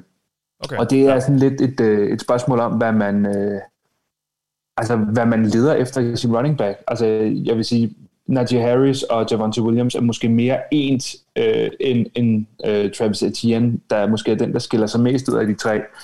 Men altså, der er der noget at komme efter. Jeg synes, det er, det er tre gode spillere, og det er tre spillere, der, der også kan komme ind og producere på et højt niveau i NFL. Jeg ved ikke, om de helt kan få den der, sådan, øh, hvis man skal nævne de sådan allerbedste, Christian McCaffrey, Alvin Kamara, Dalvin Cook, Derrick Henry-agtige øh, rolle. Det ved jeg ikke, men måske lige komme ind og ligge i det der niveau fra den 5., 6., 7. bedste til den 10. bedste running back. Det vil jeg slet ikke, øh, det vil jeg slet ikke øh, udelukke. Nej. Thijs, hvem har du, øh, det har jeg sådan set spurgt dig, hvem, hvem der var som nummer et. Så kan jeg jo så forstå, at der er et par stykker, der, der ligger, øh, men sådan den mest komplette øh, running back i, i dine øjne, hvem er det? Jamen, jeg har Javonte Williams som min højst rangerede. Ja. Du kan jo forstå på Rasmus, at han er deres, deres nummer tre. Uh, men jeg er sådan set enig i, at det, det er forholdsvis tæt. Nå, to, to. undskyld, øh, så hørte jeg bare forkert. Uh, men han, han er min nummer et. Um, jeg synes, det er forholdsvis tæt, at de, de, som Rasmus siger, de, de kan egentlig lidt, alle sammen lidt noget forskelligt. Uh, jeg synes jo, at G. Harris han er den dårligste runner af dem. Jeg tænker, at så er en rigtig dygtig receiver. Um, men, men Javonte Williams, synes jeg, jeg synes, han er den mest naturlige runner af dem, har den bedste balance, har den, den, den, den bedste styrke af dem øh, til at holde sig på benene. Øh, han, hans vision synes jeg ikke er helt lige så godt som, som Etienne måske, og måske, ja, jeg ved ikke, man skal sige Najee Harris også, men, men altså, man kan sige, at Jonathan Williams kan udvikle sig lidt mere, og derfor synes jeg egentlig også, at han har den største upside på en eller anden måde, øh, fordi han er, han er ikke så erfaren som Etienne G. Harris, der har spillet øh, efterhånden mange år i college, vil jeg sige. Øhm, og han har også noget, han kan lægge på i kastespillet. Men jeg synes bare, at han er den mest naturlige runner. Han er den der sværeste at, at takle, synes jeg. Øh, og så har han helt fænomenal i pass protection, og det kan jeg simpelthen ikke stå for. Mm. Øh, det er en af de, en af de bedste pass protection øh, backs, jeg nogensinde har set. Det er helt vildt. Altså, han har jo adskillige pancakes. Altså, det, øh, det var virkelig, virkelig sjovt. Men, men jeg synes, han er den sværeste man at takle. Ja. Øh, super eksplosiv øh, på de første meter. Øh, med, med, med arbejder med et godt, rigtig godt lavt tyngdepunkt, hvilket gør, at både hans balance er god, men også, at han let kan skifte retning. Det, det er det, som jeg synes, gør ham en lille smule unik, fordi at han, han er en stor back, øh, som Rasmus også øh, indikerede, ham og Najee Harris, de er rimelig store, men begge to har faktisk ret, ret lækre hofter og øh, rimelig altså, kan, kan skifte retning ret godt. Øh, nogle af de her jump cuts og nogle af de her små øh, niftige bevægelser til lige at undvige en mand, eller, eller, eller, eller lige øh, skifte retning. Øh, så det synes jeg jo, der, der synes jeg, at øh, det var til Williams egentlig kommer med den bedste pakke, hvor at Etienne er lidt mere en straight liner, og, og, og lidt mere øh, specielt, jeg synes Etienne, synes jeg er en, en spøjsevaluering. Jeg kan ikke helt finde ud af, hvad jeg synes om ham. Han er, han er meget unik, synes jeg, i sin stil. Øh, men, men, øh, men i hvert fald, jeg har Javante Williams som, som min nummer et. Ja. Øh, så der er altså et, i hvert fald et, et par stykker, øh, der er måske rent talentmæssigt er værd at tage i første runde, Peter. Men hvis vi sådan skal nej. have... Nej, nej, nej, men jeg, jeg, jeg siger jo talent, talentmæssigt, Thijs. Vi er alle sammen enige her. men du må ikke ned ad den boldgade. Nej, vi er alle sammen enige her. Som... Vi er alle sammen enige her om, at man ikke uh, burde tage en running back i første runde. Så, og, det, og det tror jeg også, uh, vores lytter efterhånden uh, godt ved. Uh, og, og det er jo så glædeligt at høre, at, uh, at vores gæster her også uh, er med på den vogn. Uh, men Peter, hvis vi så skal have et, et navn, uh, som ikke er et af de her tre, vi lige har snakket om nu. En, der, en, der måske ja, med rette også går i de lidt lavere runder, øh, men som, men som, er, men som kan, kan komme med et eller andet. Og, og vi ser jo, de, de kommer jo hvert år, de her spillere, eller running backs, der bliver taget forholdsvis sent i draften, og så kommer ind og leverer. Øh, et bud på en, der, der kunne gøre det i år? Altså, jeg ved ikke med, med sent i draft. Jeg synes, det er svært at finde ud af, hvordan de her running backs kommer til at gå, øh, må, må jeg indrømme. Øh, og, og ham, jeg har kigget på her, er, er en spiller, som jeg, jeg ser rangeret top 5 nogle steder. Øh, jeg har ham selv også øh, umiddelbart i, i top 5. Men, men han er en spiller, der sagtens kan risikere at gå hen og, og falde til, øhm, til, om ikke andet så starten af tredje dagen, men jeg vil på den anden side heller ikke blive chokeret, hvis, hvis der kommer et eller andet øh, tidligt øh, run på running backs, at, at han så skulle finde vej til bunden anden runde. Øh, det, NFL er trods alt stadig ikke kommet helt med på, øh, på vognen i forhold til, at, øh, at, at running backs ikke betyder så meget. Øhm, men jeg har et, øh, et, et rigtig godt øje til en spiller som øh, øh, Oklahomas Ramondre Stevenson. Han er en, øh, en stor, fed bowlingkugle, og øh, altså chokerende øh, nimble for, for sin størrelse. Altså nu, han, han har han har, han er trimmet ned. Altså jeg, jeg tror, han vejede 250 pund eller sådan noget lignende i, i løbet af, af college-sæsonen. Han var, han var nede på 227 pund ved, øh, ved Senior Bowl, eller var det hans Pro Day. Øhm, men altså, han, han bringer mig tilbage til Eddie Lacy, før Eddie Lacy han blev øh, alt for tyk og alt for langsom. Øh, det altså, var han fra start. Den, den gode, ja, ja det, det var han lidt fra start, men, men der var trods alt også en periode, hvor Eddie Lacy faktisk var en, var en ja, god det, spiller. Ja. Øh, altså Stevenson er også lidt for tung. Altså han skal stadig tabe sig yderligere, vil jeg gætte ja, på. Det, det, det, må han, det, må han, det må han gerne, ja. Men, men altså han, jeg, jeg var chokeret over at se ham bevæge sig på, med, med den størrelse, han har. Altså, han er, han er virkelig svær at få ned og ligge. Han læser sine blokeringer godt. Han er samtidig også en, øh, en, en ganske habil øh, pass. Øh, og, og så har han også bare haft øh, fremragende produktion hos, øh, hos Oklahoma.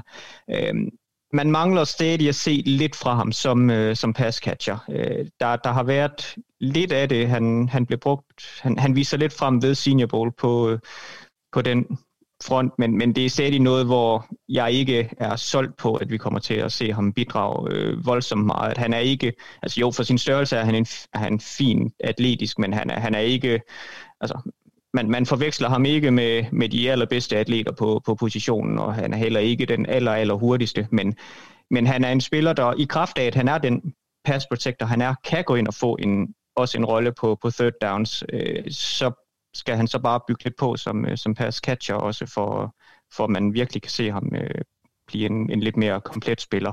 Øh, så jeg kan godt lide ham. Der, der, øh, ja, jeg, jeg kan ikke gennemskue, hvornår pokker han kommer til at blive valgt. Altså det, det kan være alt fra anden til fjerde, femte runde, tænker jeg. Ja, okay. Jamen, øh, jeg har sådan set spurgt dig, Rasmus, om en, der bliver draftet højere end han burde, men det, det er måske alle running backsene, så jeg tænker bare, at vi, skal, vi kan gå videre til at snakke receiver, fordi de er også lidt mere interessante. Uh, fordi vi har jo igen i år en, en ret stærk gruppe, sådan som jeg i hvert fald fornemmer det. Uh, der er de her topnavne, Jamar Chase, uh, Devontae Smith og Jalen Waddle. Det er sådan top 3, hvis man sådan, tror jeg, konsensus uh, lavet gennemsnit af de fleste rangeringer osv. Jeg synes alligevel, jeg fornemmer, at Jamar Chase, han han er de, de flestes nummer et. Øh, er du enig i det, og, og i så fald, øh, hvorfor?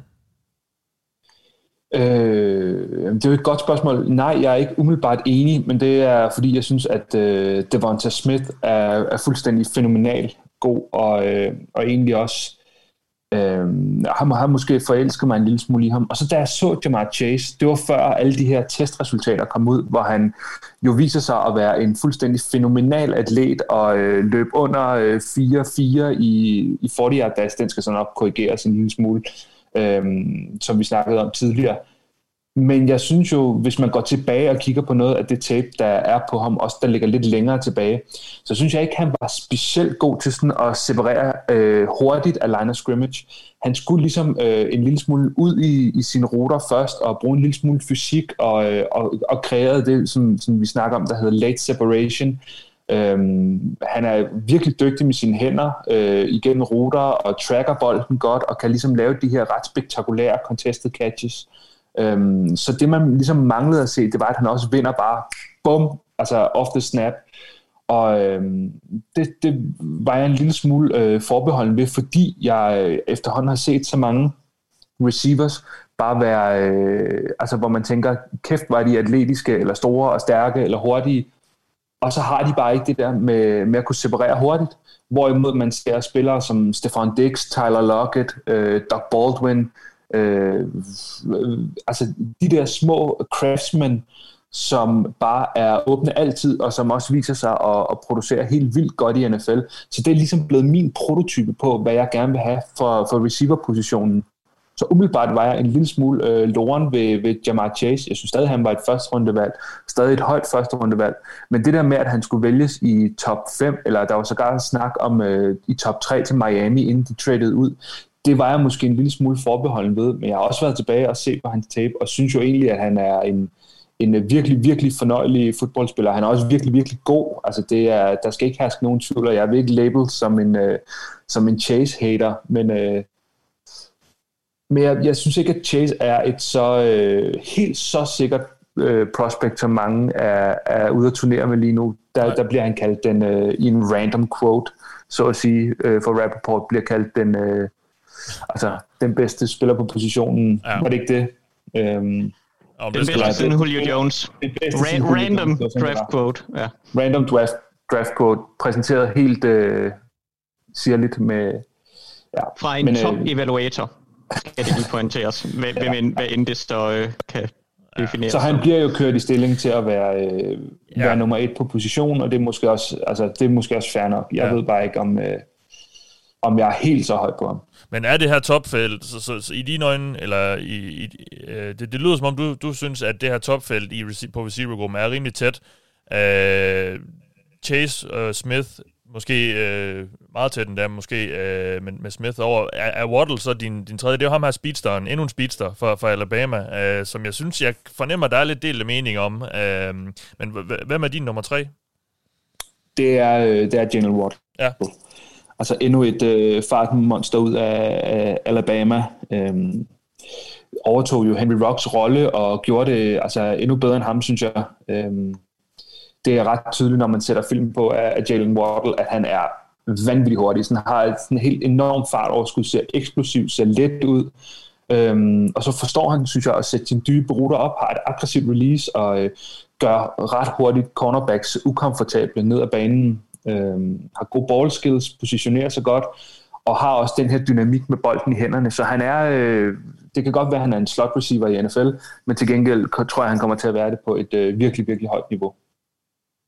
Thijs, øh, som sagt, så, så, så synes jeg jo fornemmer, at det er endnu en god receiver-klasse. Øh, hvis, vi, hvis vi sammenligner lidt med sidste år, hvor der var en masse øh, navne, der gik i, i første runde, og, og som også blev hyldet som den her rigtig vilde receiver-klasse, er det det samme i år? Og, og, og hvor mange er der, øh, som, som med, med en vis retfærdighed kan tages i første og, måske anden runde, i de her toprunder? Jeg må sige, jeg synes, han er bedre i toppen årets draft på receiver. Men så ikke lige så god senere. Men i forhold til det, hvor mange der kan tage til første runde, så har Rasmus jo snakket om de tre første.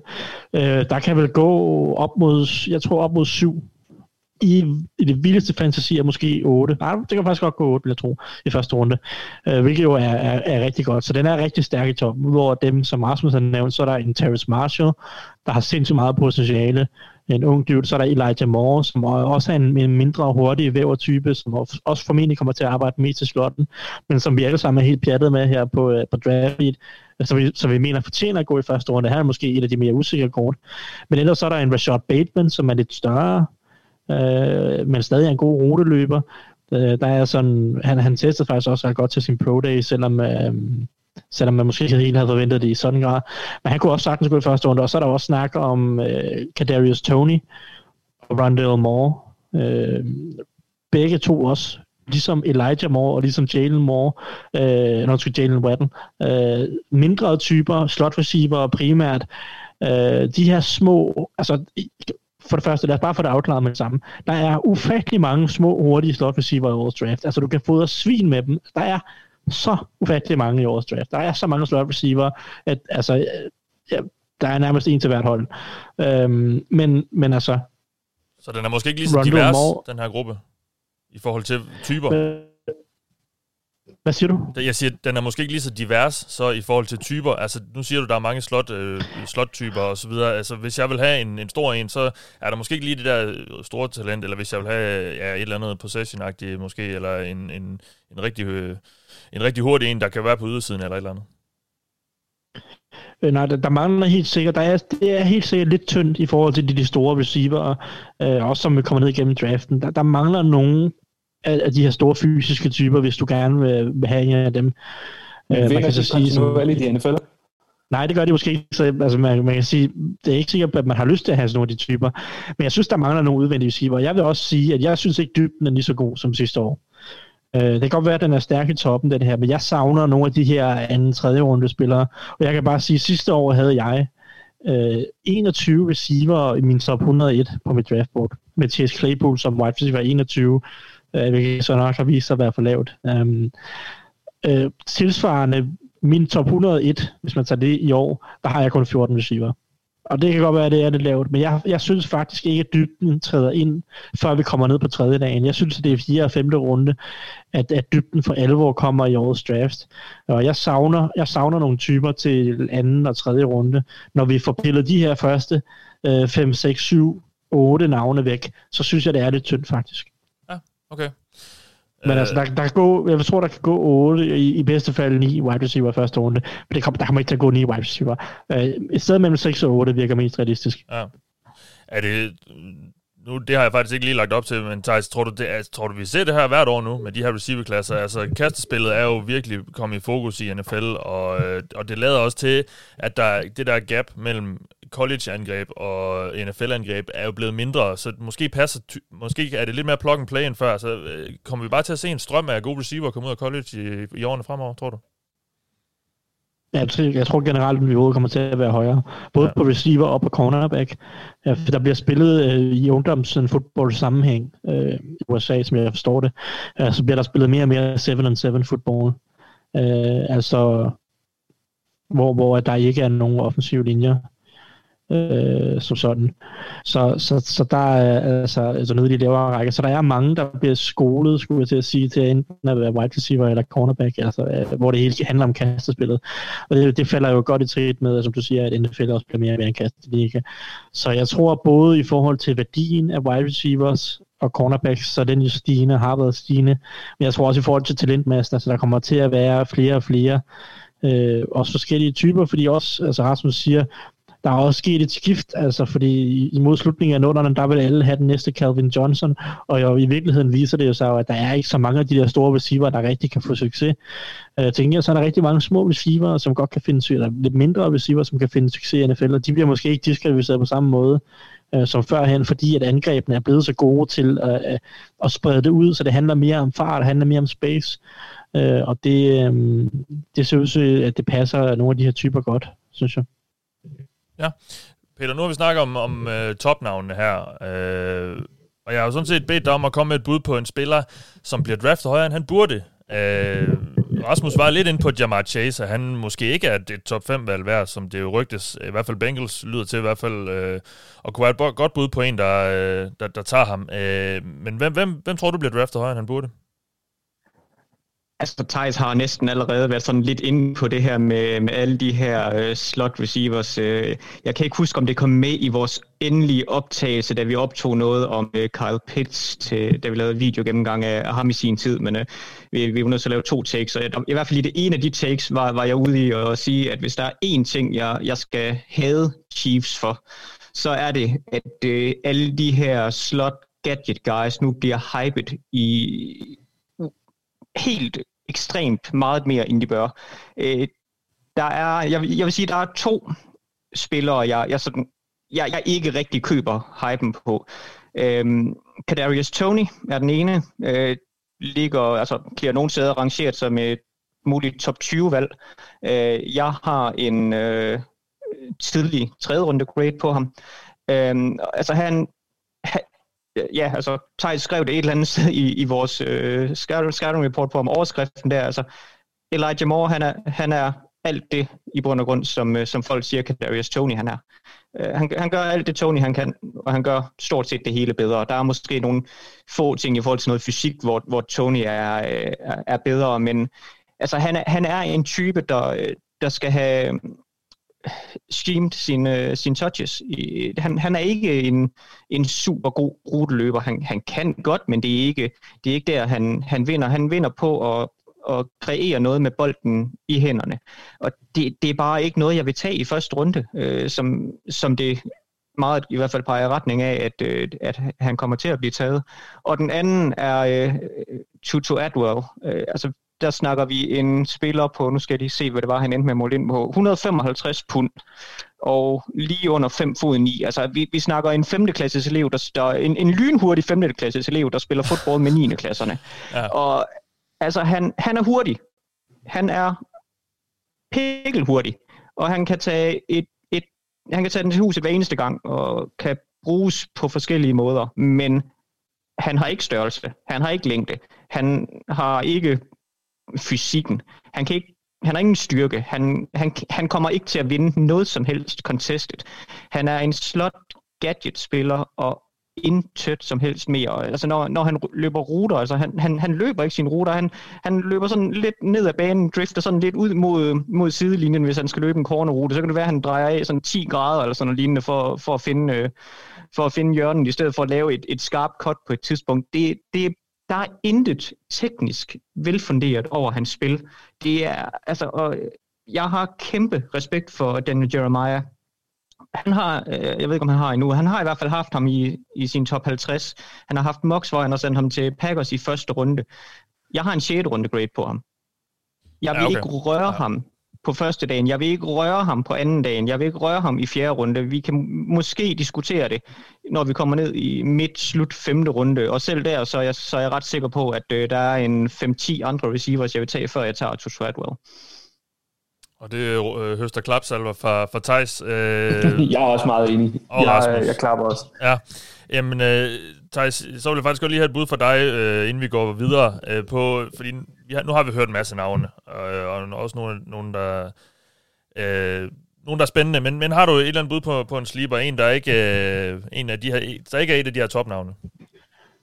Ja, men altså, min personlige favorit, som, er, som går under radaren, øh, det er egentlig en, der hedder Josh Palmer. Øh, kanadisk dude. Øh, der er faktisk en del kanadier med. Jeg tror, jeg har hørt, der er mindst fire i år øh, i årets draft. Men øh, Josh Palmer, det er en kanadisk dude, wide receiver fra Tennessee. Um, han er en lidt større receiver, øh, virkelig fysisk stærk, godt bygget, øh, spiller også stærkt, altså stærke hænder, øh, god i contested situationer. Um, der er et eller andet over hans spil, som, som jeg bare rigtig godt kunne lide. Han producerede ikke super meget i college. Tennessee havde et angreb, der fortjener at blive kyldet, jeg ved ikke, hvor langt ud i oceanet. Um, øhm, både quarterback-spillet og selve schemet var, var simpelthen helt igennem horribelt. Øh, men selvom han mangler noget som rotløber, og det her det er farligt, og jeg er sådan set enig med Rasmus, Rasmus tager også det her, nogle af de her lidt større typer, øh, som ikke er så gode til at løbe ruter, de har det ofte rigtig svært i NFL, Øh, og, og jeg plejer også at straffe dem hårdt, men der var et eller andet over Josh Palmers spil, som gjorde, at jeg tror på, at, at det kan godt virke, selvom han ikke er den bedste ruteløber. Øh, jeg tror, der er to grunde til det. Han er ret eksplosiv, øh, af line of scrimmage. Så jeg synes faktisk, han er dygtig til at komme af linjen. Øh, noget af det her med at vinde tidligt i en anden grad, som, som Rasmus også nævnte, det giver mig noget tro på, at, at, at han kan, kombineret med hans styrke, kan han lære at blive en bedre ruteløber. Øhm, og så er der bare noget med, jeg synes egentlig, han, han viste øh, noget fornemmelse for positionen, den måde, han angriber cornerbacks dybt på. Han er, han er primært en vertikal trussel. Øh, og den måde, han angreb bolden på i luften, der var bare nogle ballskills og, og noget fornemmelse for øh, at, at, at bringe sig selv i gode positioner ned ad banen, øh, som jeg godt kunne lide. Så ham er en, en, han er en mand, jeg godt kunne finde på at tage i tredje runde, hvis jeg sad og manglede en, en lidt større receiver. Og jeg tror ikke, han kommer til at gå Ja, øh, det mest sandsynlige er, er 4. eller 5. runde, tror jeg, for hans udkommende. Ja. Øh, så det er en mand, jeg godt kan lide. Og ellers så vil jeg nævne Jalen Darden, som nu er det endnu en af de her små hurtige receiver. Jeg synes faktisk, han var meget sjov. Ja. Øh, jeg tror, han kommer til at blive draftet nogenlunde, hvor han burde et eller andet sted i bunden af tredje runde, fjerde runde. Men jeg synes bare, han var meget sjov. Jeg, jeg håber, han virker. Øh, det, er, det er som, som sagt endnu en af de her små, lynhurtige typer, der bare øh, øh, løber i cirkler om folk øh, på det niveau, han spillede på. Rasmus, du får også lige lov til at smide et navn på bordet. Ja, fordi altså, nu nævnte jeg før, at jeg er kæmpe stor fan af, af Devonta Smith, øh, den her Alabama receiver. Og øh, da jeg kastede mig over øh, en receiver fra Iowa, der hedder Emil Smith Marset, øh, hans tape, så kunne jeg simpelthen ikke finde på en øh, sammenligning til ham, og jeg endte med at øh, synes, at han måske bare var 90% af det, Devonta Smith er, hvilket jeg i, i, ville synes var, var ganske fremragende at samle op på, på tredje dagen. Øhm, han er også en af de her sådan ret spinkle receivers. Han er også omkring 6 fod 1 og vejer øh, under Øh, vejer han omkring 80 kilo eller sådan noget. Men han bevæger sig også bare godt. Han er øh, hurtig, han er eksplosiv. Han øh, har farten til ligesom at tro på alle niveauer af banen.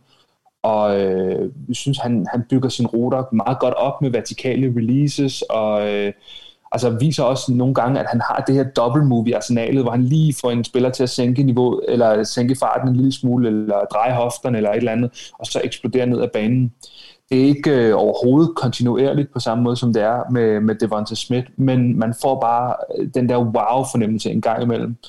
Øh, hans highlight tape er virkelig, virkelig sjovt også, hvis der er nogen, der vil ind og, og se det. Jeg tror, der ligger et, øh, et sammenklip. Øhm, så han viser det her i, i glemt, også at han er eksplosiv med bolden i hænderne, og, og altså, har noget erfaring med at returnere bolde på punts og kicks også.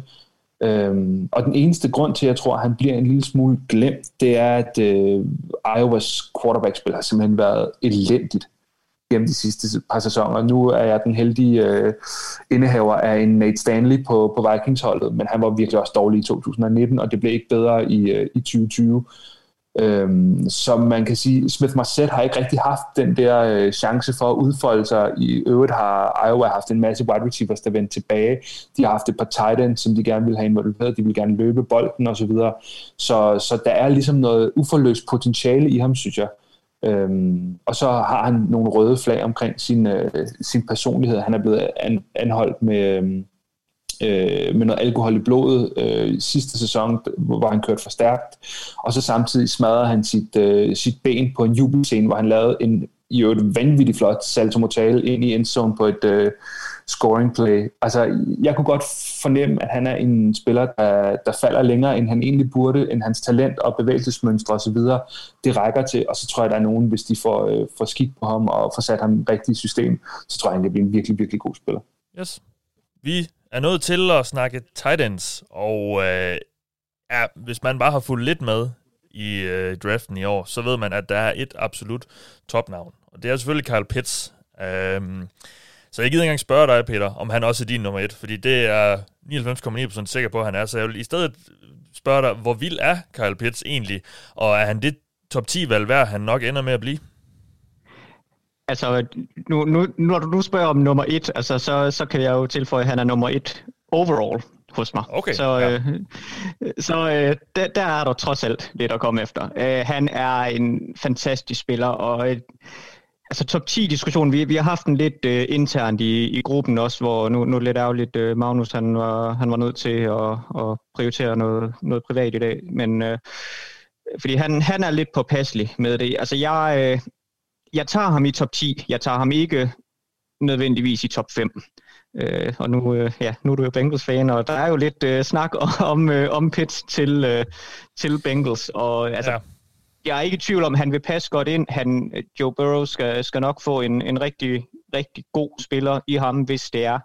Øh, jeg tænker, at han går i, i top 6. Jeg, jeg har svært ved at se, at han ikke bliver valgt af enten Bengals eller, eller Dolphins efterfølgende. Og øh, altså, han, han er øh, den mest dominerende pass catcher, jeg har oplevet, øh, ud, ud af college i hvert fald, på positionen i, i de øh, 14 år, jeg, jeg sådan i et eller andet omfang har, har kigget, øh, kigget på draften. Øh, det er, altså han kan line op over det hele, han har fremragende hænder, han er en exceptionel atlet, og han har stadig oceaner i upside. Han er, stadig, han er ung, han, er, han bliver først 21 til oktober. Øh, der, er, der er lidt teknisk som, som blogger, han skal være bedre, han, øh, han kan stadig godt blive en bedre ruteløber, men, men han er øh, sindssygt dominerende og har, altså, han har, han har, det er altid farligt at sige, men han, han har jo Hall of Fame upside, hvis, hvis det er, at man skal ja. gå ud, ud i det. Øh, han skal stadig have det rette fedt. Altså, jeg er ikke overbevist om, at han, at han bliver den bedste tight end i ligaen. Det, det kræver stadig, at det er det rette fedt. Øh, men jeg har omvendt også svært ved at se, at han ikke formår om nogle år, og øh, selvfølgelig med forbehold for skader, at have etableret sig som en top 5-7 tight end i ligaen. Det kan godt være, at han ikke kommer op og bliver en, en Travis Kelsey eller, eller en Darren Waller for den sags skyld, der, der sådan er den, den helt oplagte sammenligning med ham. Det kan godt være, at han ikke bliver lige så dominerende også som passcatcher, som, øh, som en Gronkowski han har været, øh, og, og øh, han er ikke lige så komplet som, som George Kittle. Men det, det er den gruppe af spillere, når man sådan snakker niveau, det, det er den gruppe spillere, man skal ind og sammenligne ham med i, i min bog. Og ja. det, jeg har svært ved at se, at, at han ikke bliver en bundsolid at worst tight end. Og, og jo, jeg vil gerne tage chancen i top 10. Ikke nødvendigvis helt op i top 5. Nej, okay. Men det var også lidt det, ja. vi snakkede om. Vi har haft diskussionen før, som, som Peter siger. Altså, han skal jo næsten, hvis man tager ham i top 5 eller 10 øh, som tight end, så skal han jo næsten gå ind og være øh, det her våben nummer et på et hold, ligesom en spiller som Travis Kelsey eller George Kittle er. Jeg ved godt, at Tyreek Hill også er i Kansas. Men, øh, men altså den her spiller, der går ind og, og dikterer opdækningen, og som trækker double coverage, eller som trækker, at øh, holdets, øh, at modstanderens bedste cornerback lige pludselig rykker ind i slotten og begynder at følge ham, eller et eller andet. Man vil gerne have ham til ligesom at, øh, og sådan udvikle ens angreb til noget ekstra. Altså så kan du altid plastre det til med andre playmakers og gøre det rigtig svært. Men det her med, at du kan bruge, øh, bruge Pitt så øh, alsidigt, for jeg synes ikke, han er nogen øh, dårlig blokeringsspiller faktisk. Jeg synes faktisk, han er rimelig god når man tænker på hans sådan, kropstype og hans, øh, og hans sådan, upside som pass catcher, så synes jeg ikke, han er nogen dårlig blokeringsspiller, selvom de fleste de vil kalde ham en stor wide receiver eller et eller andet. Jeg synes, det er, det er noget, han ligger på ud over. Øh, så man kan sige, jeg, jeg synes også godt, at man kan forsvare at tage ham, øh, tage ham højt, fordi han, øh, du kan ikke tage en, en lige så god og lige så alsidig øh, sådan off, øh, sådan, han, er, han er nøglen til et offense måske, hvis, hvis han lykkes. Det kan du ikke tage i tredje eller fjerde runde på tight end, hvorimod du måske godt kan være heldig at finde en receiver, der fungerer i, i tredje, fjerde runde. Øhm, så, så ja, jeg synes også, han er virkelig, virkelig fantastisk. Ja. Noget tilføje til Pitts, uh, Thijs? Nej, han er god. Han er god. Jamen, så vil jeg høre dig, øh, hvor langt er der ned til nummer to, og hvem er det i så fald? Fordi jeg synes ikke rigtigt, men altså, jeg, når jeg læser om det generelt, så, så, så er der jo ikke ret meget at komme efter, når, når det ikke hedder Kyle Pitts. Altså, så, så hvem er nummer to, og, og er det overhovedet noget, øh, der, der er værd at holde øje med? Øh, okay, men altså nummer to for mig, og der er lidt uenighed rundt omkring. Øh, der er nogle andre muligheder også. Men nummer to for mig, det er øh, Pat Freiermuth. Freiermuth. Ja. Øhm, Freiermuth fra øhm, Penn State. Øh, jeg kan faktisk meget godt lide ham. Han er ikke den mest dynamiske og atletiske tight end, men alligevel synes jeg faktisk, at han kommer med en ret god pakke. Så han er ret klar to for mig. Der er stadig langt op til Pitts. Altså Pitts er jo, som, som Peter også siger, en top 5, et top 5 talent i årets draft. Øh, Firewood, han er, han er nede i anden runde for mig. Ikke? Okay. Øh, men, men jeg kan faktisk meget godt lide, og det, og det, jeg tror, jeg er højere på ham end mange andre faktisk. Øh, for jeg mener, han, han har snedet sig ind i min top 40. Øh, og det tror jeg ikke, der er faktisk så mange andre, der har ham helt deroppe. Mm. Øh, men han, jeg synes faktisk, at det er ret gode ruter, selvom han ikke er så atletisk og ikke er så dynamisk. Han har en meget god fornemmelse for at sætte sine ruter op, faktisk. Og han har øh, rimelig solide hænder, synes jeg, en, en stor tight end. Øh, altså en, en rigtig tight end, skulle jeg til at sige størrelsesmæssigt. Øh, det her med, at nogen kalder Pitts en, en, en stor wide receiver. Øh, Frymut, han er, han, er, han er rigtig stor, og han kan også Thijs, der opstod lige lidt øh, teknisk udfordring med din lyd, øh, mens du var ved at snakke om den gode Pat Frymouth. Øh, inden jeg lige øh, spørger Peter, hvem han har som nummer to, er der mere, du vil sige om, om den gode Pat? Nej, altså, jeg tror, jeg var i gang med at snakke om, at han egentlig også er en ret fin parkeringsspiller, eller hvis han bliver lidt bedre teknisk, kan han være det, fordi han har god styrke. Altså, jeg synes egentlig, at jeg synes også, der er blevet, der er en tendens i nutidens NFL, til at for meget blive glade for nogle af de her lidt mindre øh, atletiske øh, Øh, altså lidt mindre og atletiske tight ends. Øhm, der, der er sådan en anden fascination med, at, at man skal bare finde den hurtigste tight end, man overhovedet kan finde. Og det er også rigtig, rigtig lækkert, hvis de har noget dynamik i sig. Men jeg synes faktisk stadig, der er nogle af de her typer, som fungerer ganske udmærket i NFL, selvom de er lidt større. Især når jeg synes, de viser øh, nogle udmærkede evner som runeløber, som Freja Mutt gør. Øh, så så jeg, øh, jeg er faktisk rimelig glad for ham og jeg er klar på at tage ham i, i midten af anden runde, hvis han er der, og det, øh, så tror jeg egentlig nok, at han skal blive en ret god øh, tight end, startende tight end i ligaen. Ja. Peter Skal vi nævne, at hans øh, ja. college-tilnavn øh, var Baby Gronk. Ja, okay.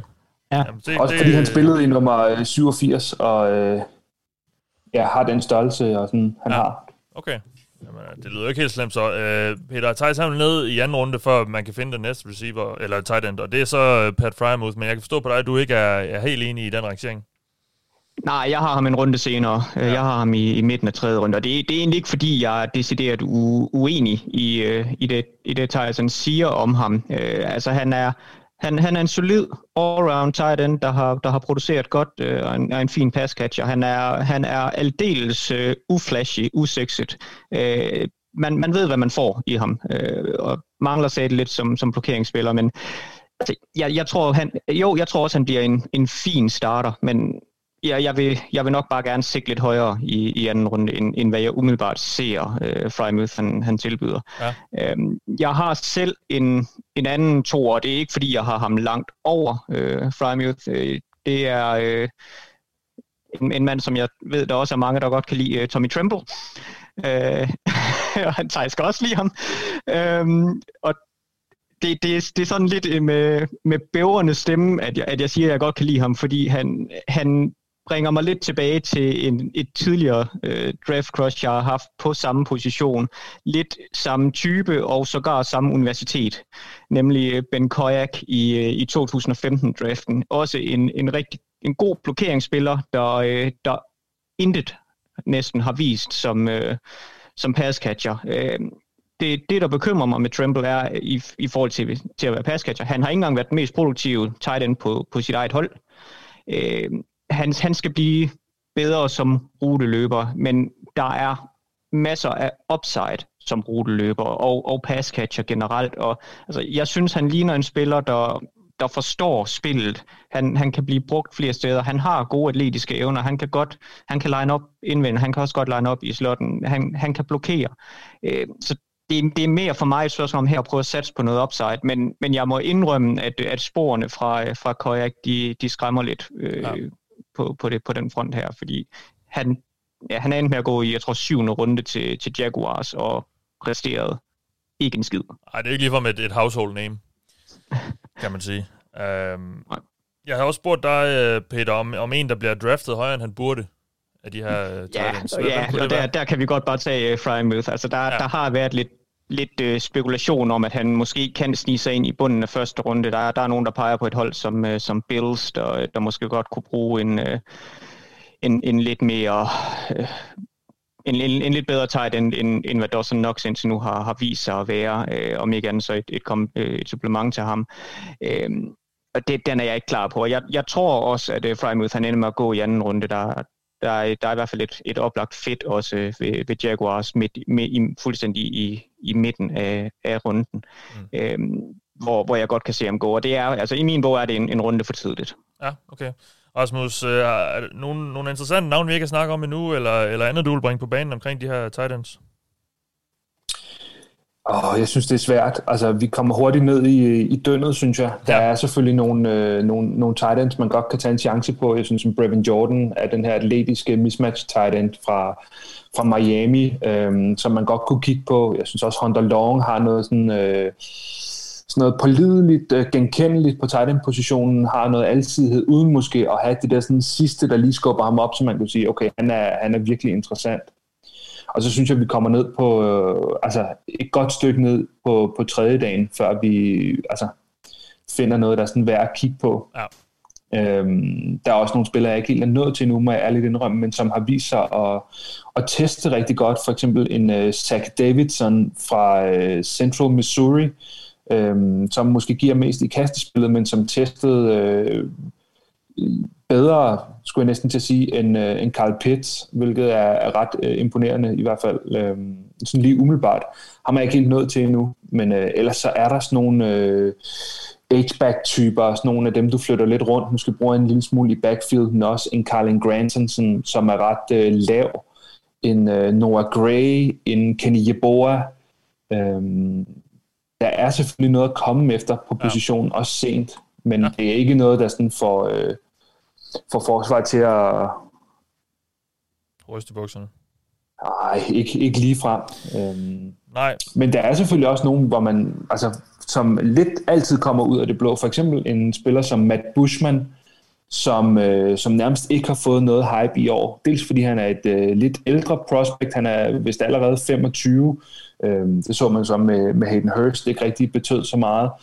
Men øh, en BYU-spiller, som øh, fuldstændig missede toget, da, øh, da det fuldstændig øh, kørte på skinner med, med Zach Wilson i den øh, forgangne sæson. Stor, øh, prototypisk tight end med, øh, med god catch radius, bevæger sig godt for sin størrelse. BYU forstår og åbenbart at, at præstere nogle øh, gode atleter. Øhm, han er egentlig rimelig spændende, synes jeg. Ja. Altså han er også den her sådan, prototypiske spiller, der måske godt kan, kan vokse lidt med rollen og blive en habil blokeringsspiller og, øh, og måske finde vej til et hold som, som tredje valg på tight end, eller måske mm. blive øh, en nummer to tight end et sted. Men det, det kræver lidt... Øh, ja, det kræver lidt kærlighed. Yes. Jamen, øh, jeg synes, det var øh, Titan-snakken. Lad os gå videre til offensive tackles. Og der sagde du jo, Rasmus, at det var øh, en af de absolut stærkeste grupper. Øh, Penny Sul er jo det her topnavn, som bliver nævnt øh, som et ret sikkert top 10-valg. Øh, Thijs, er han, han er jo ikke et perfekt prospect, sådan som jeg ser det, men han, det, der jo er så attraktivt ved ham, det er jo, at han er meget, meget ung, og han har, øh, han har rammerne, og han har, de her, han har fysikken til at virkelig kunne blive god. Øh, er, er han din klar nummer et, øh, og, eller hvad, i det her topfelt, øh, og blandt de her mange gode tackles, der også er? Nej, han er min nummer et, men han er ikke min klar nummer et. Ah, okay. Øh, jeg synes, Rashawn Slater er, er tæt på. Og Rashawn Slater er reelt set også en bedre spiller lige nu. Altså, det synes jeg ikke, der kan være nogen tvivl om egentlig, at han ud fra et, et, et sådan teknisk, mentalt øh, polerenhed på en eller anden måde er en bedre tackle lige nu. Men Sul har den her upside og på det her potentiale, som er helt utroligt stort. Altså, Sule, han, han kan blive den bedste tackle i ligaen, hvis han udvikler sig rigtigt. Han er, han er stor, super eksplosiv, øh, med masser af power. Og, og, og så det, det, man jo skal huske med Sule, det er, at han spillede ikke i 2020, det gjorde Slater for heller ikke, men, men Sule, han, han var jo så, han var 19 år gammel, da han, da, altså alt det tape, vi sidder og vurderer ham på nu, der var han 19 år gammel øh, hos, hos Oregon øh, i, i Justin Herberts sidste sæson øh, hos dem. Altså, han er, det er meget, meget, meget ung spiller, der allerede var rigtig, rigtig god som 19-årig. Og ja, der, han kan stort set blive bedre hele vejen rundt. Øh, der er noget balance og noget kontrol, som han skal lære. Han, han, han, han kan nok også smide lidt kilo og blive lidt mere øh, trimmet. Det tror jeg også vil gavne ham netop også i forhold til balancen og, og kontrollen. Øh, hans, hans fodarbejde i pass protection kan blive lidt bedre, fordi Oregon havde et, et har, havde, har og havde et on angreb, øh, som, som ikke giver ret mange muligheder for at spille reelt set, øh, altså at spille normal angreb, skulle jeg sige. Øh, en anden ting, som, som folk, eller som vi så har brændt nallerne på med Herbert åbenbart. Øh, men Øh, så, så han har en masse ting, han skal arbejde på, og der, der er stort set hele vejen rundt, er der nogle ting, der skal øh, finjusteres og, og udvikles. Men, men hvis det lykkes for ham, øh, hvilket man jo sidder med fornemmelsen af, at det gør, fordi han, er, han var allerede så god som 19-årig, øh, så, så kan han blive helt, helt, helt vildt god. Og det er derfor, han er altså, an, sådan, anses som det største talent på offensiv ja. tackle. Men Rashawn Slater er ikke ret langt efter. Han er en meget dygtig spiller, øh, selvom han er en lidt mindre tackle end, end standard øh, prototypen. Rasmus, du sagde jo, det var en af... nummer 14. Ja.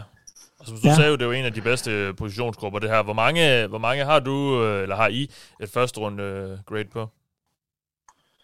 Jamen, vi har øh, første runde grades på lige nu fire spillere, men, øh, men dermed ikke sagt, at, øh, at tackle ikke er så vigtigt, at der godt kan blive presset flere op. Mm. Og jeg er faktisk ikke helt sikker på, om vi mangler at, at være igennem nogen, der kunne ende med en øh, første runde grade.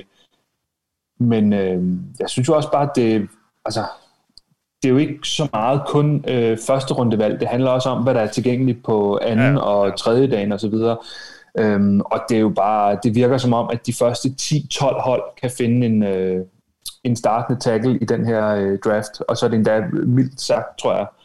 Øhm, man skal ikke bevæge sig ret ned, langt ned ad listen, før øh, så har vi en spiller som Samuel Cosmi i, i, i anden runde, Liam Eichenberg fra, øh, fra Notre Dame, en Walker Little, Alex Leatherwood fra Alabama, alle sammen øh, folk med, med god upside. En Dylan Radons fra North Dakota State, der har blokeret for, for Trey Lance. Øhm, der er bare virkelig mange spillere at tage, synes jeg, og det, ja, det er måske også noget af det, der giver et så godt helhedsindtryk af klassen, at hvis man ikke går øh, offensive tackle i første runde, så skal man måske ikke fortvivle, hvis man har et højt anden rundevalg, eller et, øh, ja, eller et tredje rundevalg for den sags skyld. Jeg tror godt, man kan finde en, øh, en dygtig spiller, og så er vi slet ikke øh, nede i, i dybden endnu hvor, hvor man kan tage et projekt, eller ja, nogle spændende tools, noget længde, noget øh, et eller andet. Øhm, så jeg synes bare, det er overall en virkelig, virkelig god klasse. Ja. Jamen lad os bare få et par, øh, par navne mere på, øh, Peter. Nu, nu kender de fleste, ja, som sagt nok, Penny Sewell og Rashawn Slater. Det er sådan de der navne, der, der forventes, øh, eller det er de tackles, der forventes i hvert fald at ryge først af, af brættet. Men, men hvem, øh, hvem er ellers øh, spændende at se på, og, og, og kunne godt blive nogle, nogle gode spillere i NFL? Øh, ja, altså der, der er jo mange, der kan, der kan blive rigtig gode. Øh, det, for mig er Christian Darisaw fra Virginia Tech øh, umiddelbart nummer tre på, på positionen. Øh, der er et ret klart spring, vil jeg så sige, fra, øh, fra Sewell og, og Slater ned til øh, Darisaw, og de, de kommer lidt tæt, når, når vi kommer derned. Vi har en Darius Orr, vi har en Tevin Jenkins, vi har Samuel Cosme, øh, som, som Rasmus også nævnte, og Liam Eikenberg. Øh, men der er spillere, der har, altså det, det, er, det er en upside-klasse det her også, når så snart vi kommer ja, egentlig allerede med, med toppen, fordi Seoul er også ekstrem upside, men også mange af de spillere, der kommer efterfølgende, er spillere, der har spændende upside, øh, mangler måske noget i nogle tilfælde noget, noget teknisk, eller i Walker Littles tilfælde, øh, jo, der mangler måske også både noget teknisk, og så, så er der en, en ret grum skadeshistorik.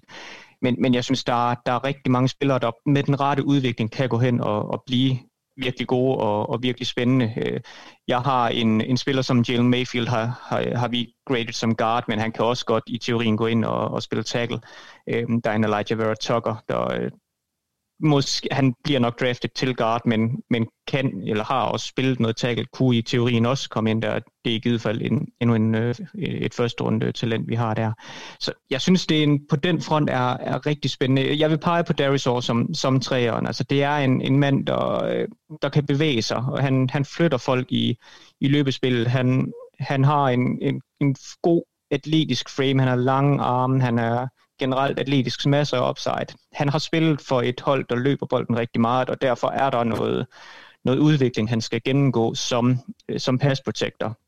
Og det, det er det, der bliver nøglen for ham nu her, og så forbedre sin, sin styrke lidt, men, men en spiller, der, der sagtens kan gå hen og blive en, en virkelig, virkelig god øh, tackle på, på den lange bane.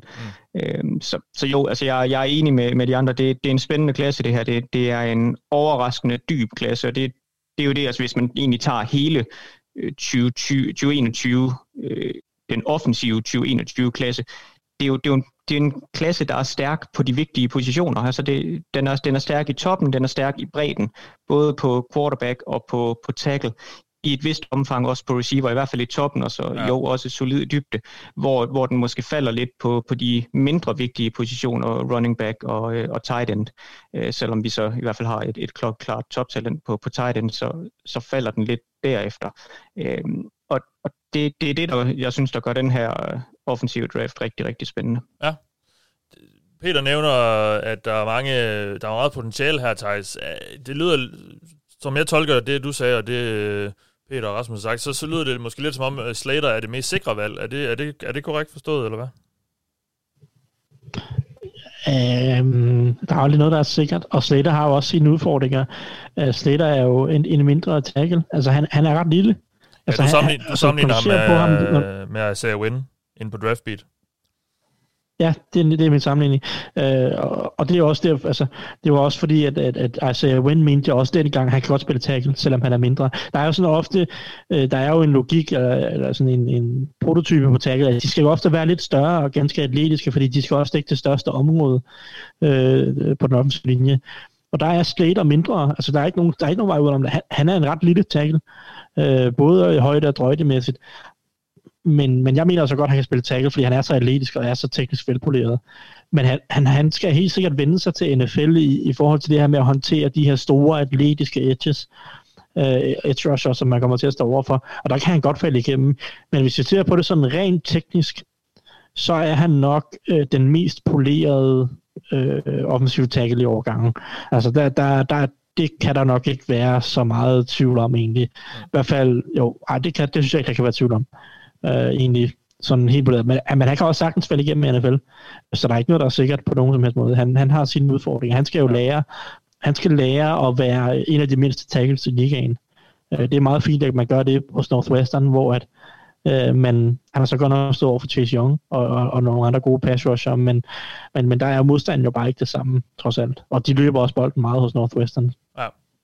Rasmus, jeg, synes jo... Jeg, jeg, jeg lige hurtigt bryde ind her, bare lige i forhold til ja. det her med, med, med det tekniske. Jeg vil sige, en, en Liam Eichenberg er nok den, der, der egentlig kommer tættest på at, at være teknisk velfunderet. Han har så nogle, nogle andre svagheder, men, men han, er, han er han er ret teknisk velfunderet øh, også. Så, så det, jeg vil sige, også umiddelbart sige, det står mellem ham og Slater ja. på, på den front.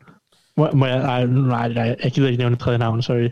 Det er super sleeperagtigt, men det, det, tager vi, det, det tager vi på det andet tidspunkt, tror jeg. Den du kan, kan tage lige tilbage, og så giv mig en sleeper, så tager vi tilbage, når vi skal tage det. Ja, jeg vil godt lige starte, øh, først spørge Rasmus, fordi jeg synes jo, jeg synes, der i mange år var nogle, nogle rigtig magre overgange på, på offensive linjer. Man snakkede sådan lidt om, uh, hvad fanden, altså, passer, passer de her uh, linjefolk i college bare ikke ind i NFL, uh, fordi ja, man, man snakker om det her med collegeangrebene, det, det var noget helt andet i NFL. Nu, jeg synes, vi, vi der var en rigtig god tackle-klasse også sidste år, øh, og igen i år lyder det til, øh, og, og som også vi snakker med receiver, college- og NFL-angrebene begynder måske at nærme sig lidt mere hinanden rent stilistisk.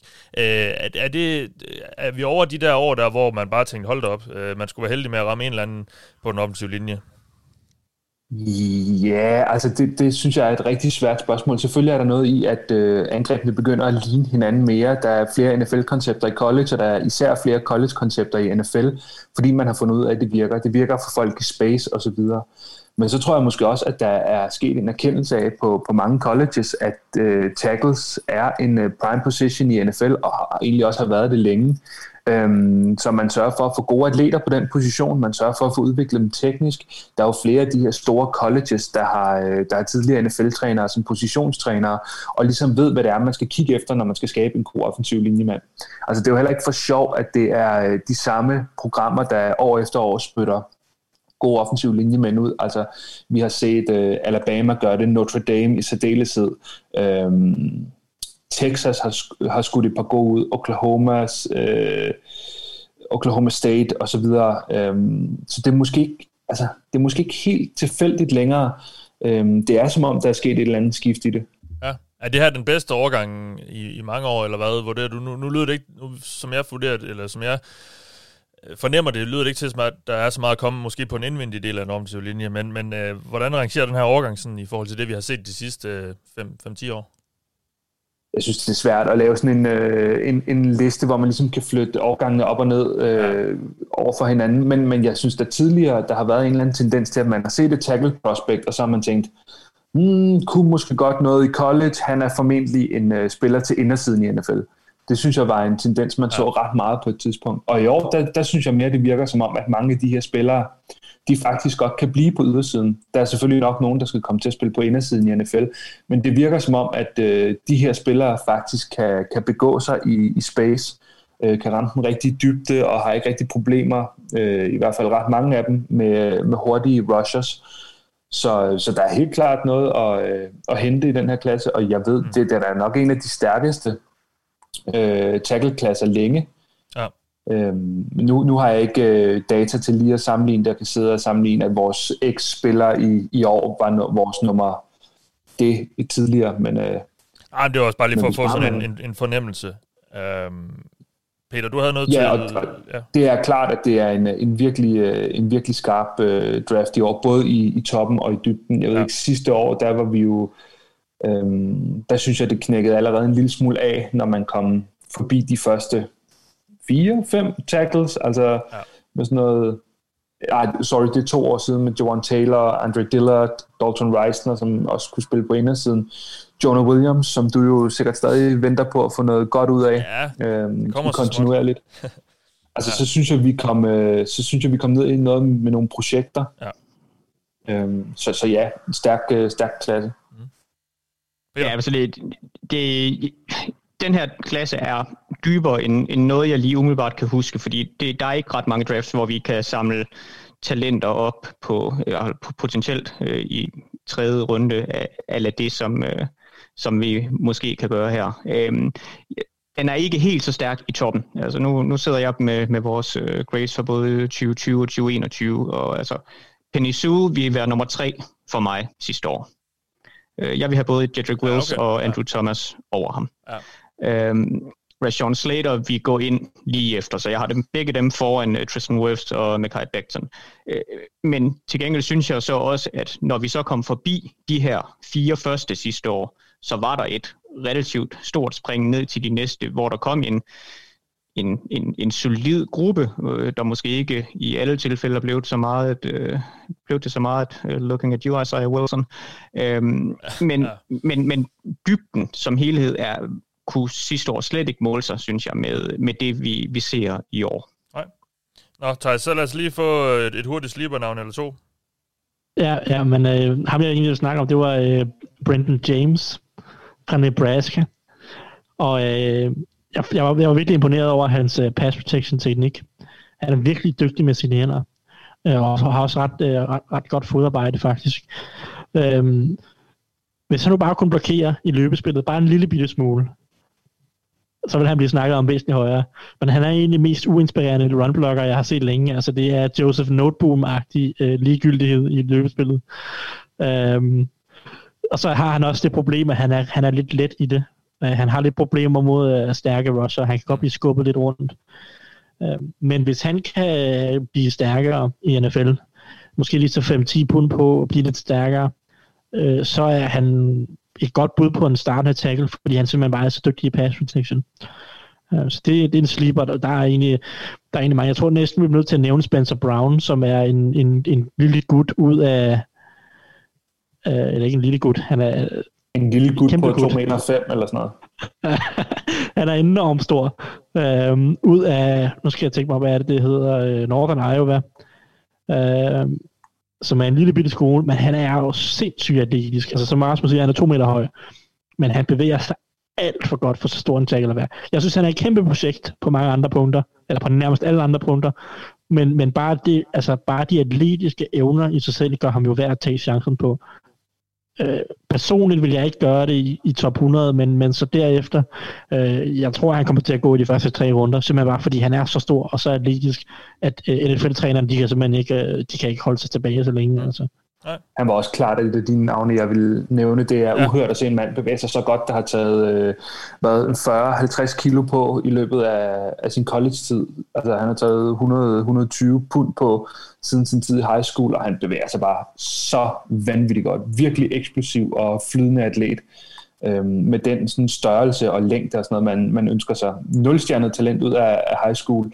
Så, øh, så det, er sådan, det er ret imponerende, hvad han er, tight end ud af high school.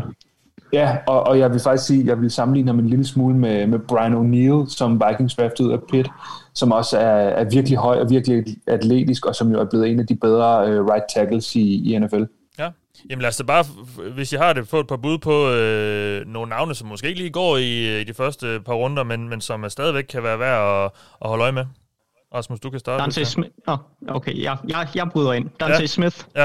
Uh, East Carolina. Uh, han er, det, det er en svær evaluering, fordi der er ikke ret meget take på ham. Øh, der var en, en kamp fra, fra 2018, og så, så kan man grave lidt frem fra, øh, fra øh, Senior Bowl også. Det, det var sådan, hvad jeg lige kunne, kunne nå at, at finde på ham her. Jeg har siddet og kigget på ham her til morgen. Øh, altså, det, det er, altså, han har spillet på et lavt niveau. Øh, der er noget skadeshistorik. Han skal blive større, han skal blive stærkere, han skal blive bedre teknisk, han skal blive en bedre runblocker. Øh, der er mange ting, men til gengæld, han bevæger sig ret godt. Han, er, han, er, han har startet to og et halvt år for, for East Carolina. Han har øh, glimrende længde og, og altså er et, øh, et udviklingsprojekt, men, men et udviklingsprojekt, der i hvert fald, som, som jeg godt kan se ende med at fungere, øh, hvis, hvis man giver ham, ham tiden og, og, det, og den rette trænerstab. Ja. Rasmus, har du, har du nogen? Ja, altså det, det handler jo lidt om, hvilken, øh, hvilken flavor man er til, skulle jeg til at sige.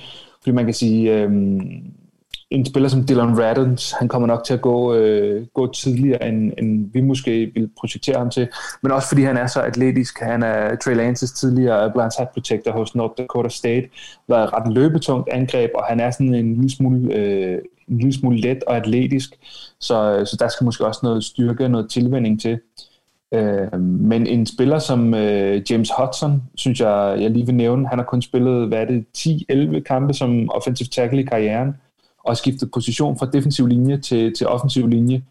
Øh, men er også atletisk og har noget af den her sådan, øh, road grading ability, når det, øh, når det klikker for ham. Han er på ingen måde et, øh, et færdigudviklet prospect, og der er en gang imellem langt mellem snapsene, og han placerer ikke altid hænderne helt rigtigt. Øh, der er noget vildskab over ham. Øh, han blev også, mener, smidt ud i en kamp sidste sæson og sådan noget. Så, øh, så der er nogle ting, man skal, man skal arbejde på. Øh, testet måske ikke helt så godt, som man havde forventet, men på tape synes jeg egentlig, at det ser øh, ganske hederligt ud, og hvis man tager ham i sådan noget tredje, fjerde runde, så, øh, så synes jeg egentlig, der er noget spændende i ham. Ja. Thijs, vil du øh, med, have et bud med? Der er mange. Jeg tror, ja. vi kan snakke om 5-6 tackles okay. mere. uh, men jeg tror, har vi nævnt Brady Christensen overhovedet? Tror jeg. Ja, han Brady Christensen. den næste, jeg vil uh, nævne. Ja. ja. Uh, det er jo uh, netop, uh, apropos uh, Trey Lances uh, blind, blindside protector, så er det her det er jo Zach Wilsons uh, blindside protector. Uh, også et af de her lidt ældre prospects, som de ofte er ude af BYU. Uh, men, men også teknisk ret solid, og testet sindssygt godt til sin pro day. Altså vanvittigt godt. Øh, så, så han er meget atletisk, i hvert fald i en lige linje, fordi mit store, mit store problem med ham, det er, at jeg synes, han er utrolig lineær. Øh, lige så straks, når han skal til at bevæge sig lidt sideværst, så, så kommer der nogle problemer frem. Men øh, han er også en spiller, der er værd at tage på dag 2 af draften. Mm. Øh, kan meget vel blive flyttet til guard, fordi han har rigtig korte arme. Altså sådan rigtig, rigtig korte arme. Øhm, i forhold til, hvad man normalt ser kigger på tackle. Så det kan godt være, at han bliver flyttet på guard, men uh, han er teknisk ret solid, og som sagt rimelig eksplosiv og atletisk, i hvert fald i en lige linje. Uh, så det kan jo også passe Gilman ind på guard. Så jeg, jeg tror, vi nævner ham, fordi jeg tror, jeg tror, han kommer til at gå rimelig højt. Jeg tror, NFL er rimelig glade for ham. Ja. Uh, har selvfølgelig også fået rig mulighed for at kigge på ham, når de også har kigget på Zach Wilson. Jamen, så lad os lige øh, runde af med at vinde den indvendige del af den offensive linje. Og vi har jo allerede snakket lidt om nogle af de navne her, fordi så er der nogle tackles, som måske ikke bliver set som tackles i NFL, og så bliver de rykket ind og så videre. Jeg fornemmer jo ikke lige frem, der er nogen Quentin Nelson i den her draft, Peter, men øh, hvem, hvem kunne det så være, hvis man vil have sig en god center eller guard, man skulle kigge efter? Øh, Elijah Very Tucker har du nævnt. Jeg tror, jeg tror, det var dig, der nævnte ham før. Øh, ja. Det er vel det, måske det bedste bud, eller hvad? Ja, altså jeg, jeg synes, han er øh, topnavnen på, øh, på, på indersiden, forudsat vi, øh, vi, vi holder Rashawn Slater på tackle. Øhm, han, har, øh, han, han, han giver mig lidt øh, Zach Martin flashbacks. I, ikke at jeg forventer, at han bliver lige så god som Zach Martin, men, men der er altså noget af det, som øh, Zach Martin han kunne og, og kan øh, ud, ud af college også. Altså det, det ser jeg lidt her. Altså der er noget, der er noget virkelig, virkelig god spilforståelse. Der er gode atletiske evner. Der er der er alsidighed. Altså han, han har spillet left guard og left tackle hos, øh, hos USC. Jeg tror også godt, han kunne spille, ta- øh, spille center, hvis det skal være. Han er en stærk run blocker, øh, quick, god frame.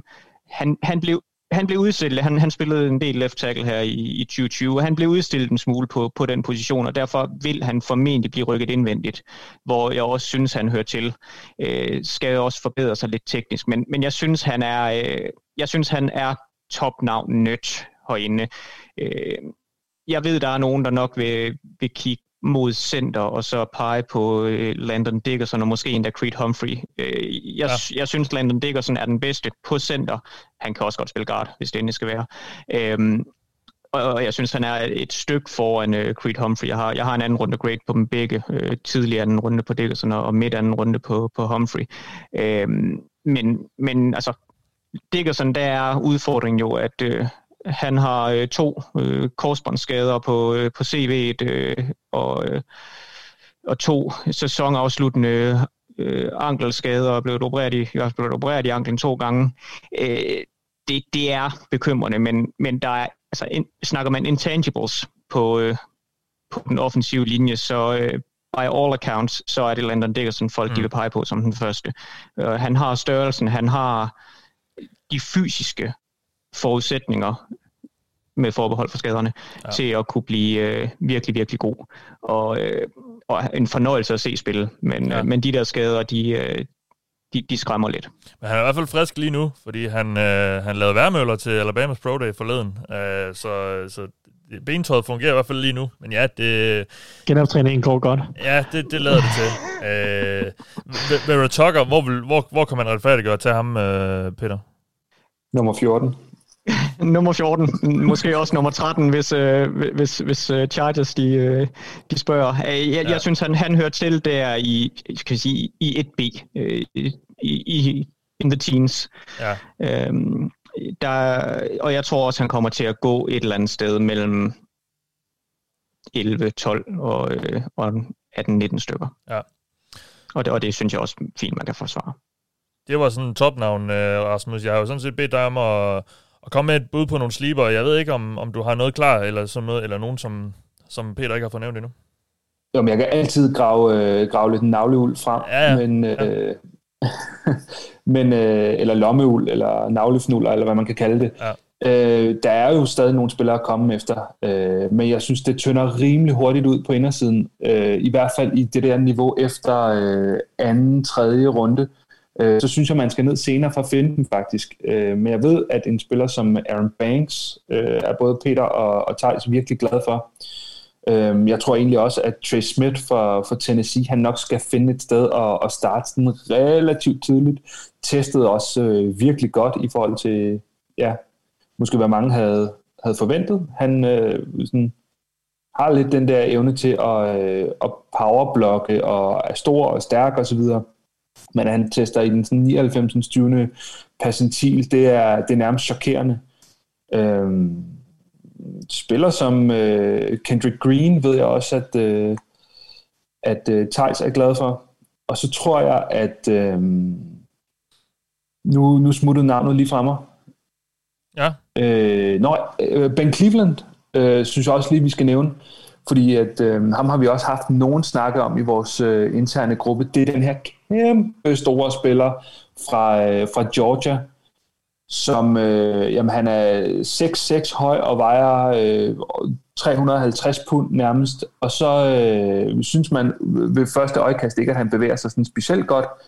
Så går han så bare ud og brænder sin øh, pro day fuldstændig af og tester som en af de bedste atleter på, på positionen nærmest nogensinde. tror jeg, han er i top 60 øh, eller top 50 øh, på offensive øh, guard siden 87. Øh, og jeg ved godt, at i år, det er ikke samme referenceramme, sådan apples to apples, øh, den her atletiske, de her atletiske testresultater, men det synes jeg er vanvittigt imponerende for ja. den store mand. Han er bare modbydelig i et, øh, i et gap-schema, som, altså, ja, man kan ikke andet end at, at holde af ham, synes jeg. Han har egentlig også fint nok evner i, i kastespillet.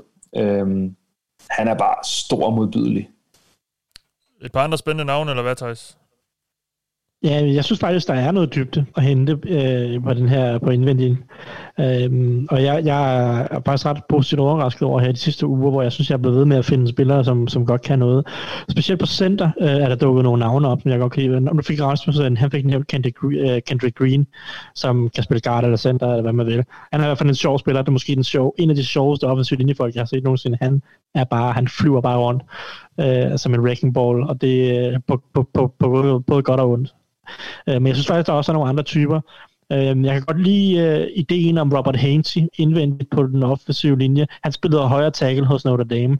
Øh, jeg tror, han vil have godt af at komme ind på guard. Han skal ind på guard eller center. Øhm, jeg tror egentlig godt, det kan fungere, fordi han er, han er klog, og han er teknisk god. Øhm, men så blev jeg også, øh, jeg så Drew Dolman fra, fra Stanford, som er der center. Han er altså, han er Garrett Bradbury-like i, altså som Vikings tog i første runde. Øh, han er selvfølgelig måske ikke helt deroppe, men, men han er også virkelig atletisk og virkelig dygtig i, i det her outside uh, zone eller wide zone løbeangreb. Uh, han har også problemer med, at han er lidt lille og lidt let. Uh, men, men jeg tror egentlig godt, han kan fungere i de rigtige systemer, hvad han starter der. Uh, jeg synes egentlig, der er mange, og så, og så bliver vi jo nødt til at nævne uh, Senior Bowl-helten, hvor dem alle sammen Jamen, det er, ham, ham skal vi først tage, når vi skal snakke spillere, der bliver taget for tidligt. Ja. Nå, okay. Jamen, så, så, så gemmer vi ham lige. Så, så gemmer vi ham lige, men uh, altså, han er i hvert fald også uh, med på radaren et eller andet sted. Men jeg synes faktisk, uh, jeg, jeg er lidt overrasket over, hvor mange uh, center der egentlig er i årets draft.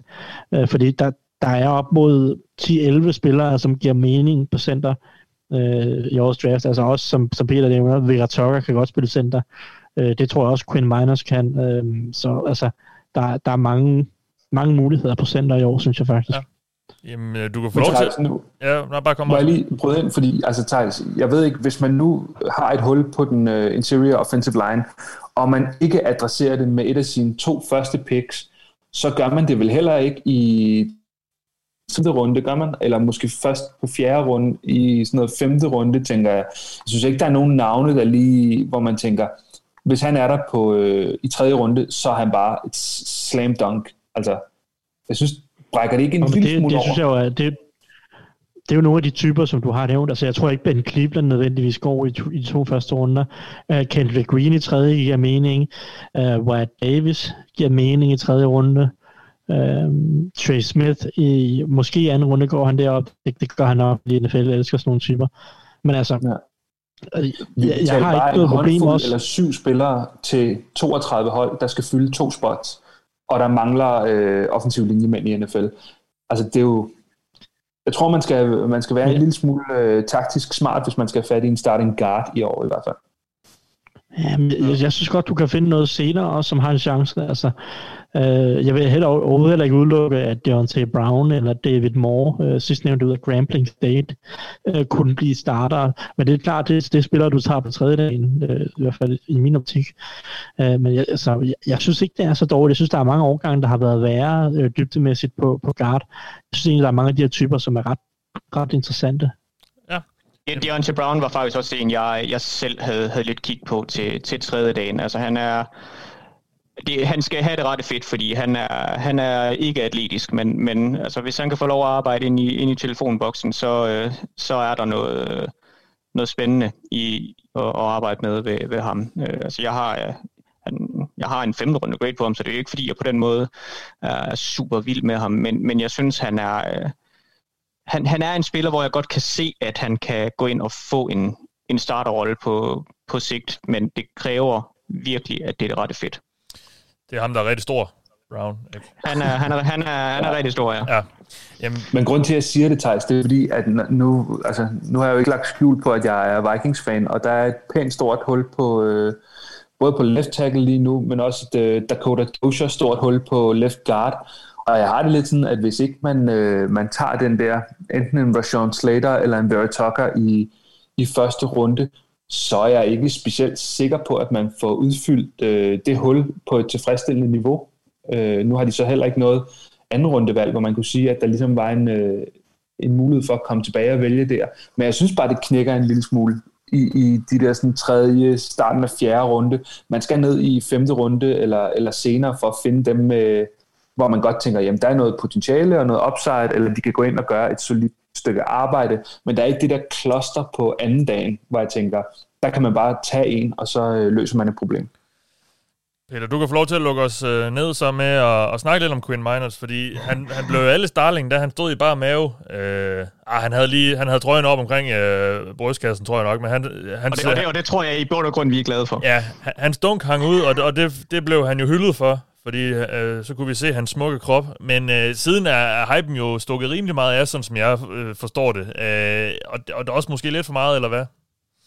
Ja, det er det, det, jeg synes. Det, altså, øh, han, han er svær ikke at elske. Altså, han, han kæmper for det, han arbejder hårdt, han er nasty, når han, når han blokerer. Han har, han har jo vist sig at være en, en rigtig, rigtig god atlet. Han, han kommer godt ud på, på second level også. Han kan, han kan spille guard og center. Jeg har, jeg har graded ham som center, øh, hvor han endte lidt højere, end han gjorde som, øh, som guard.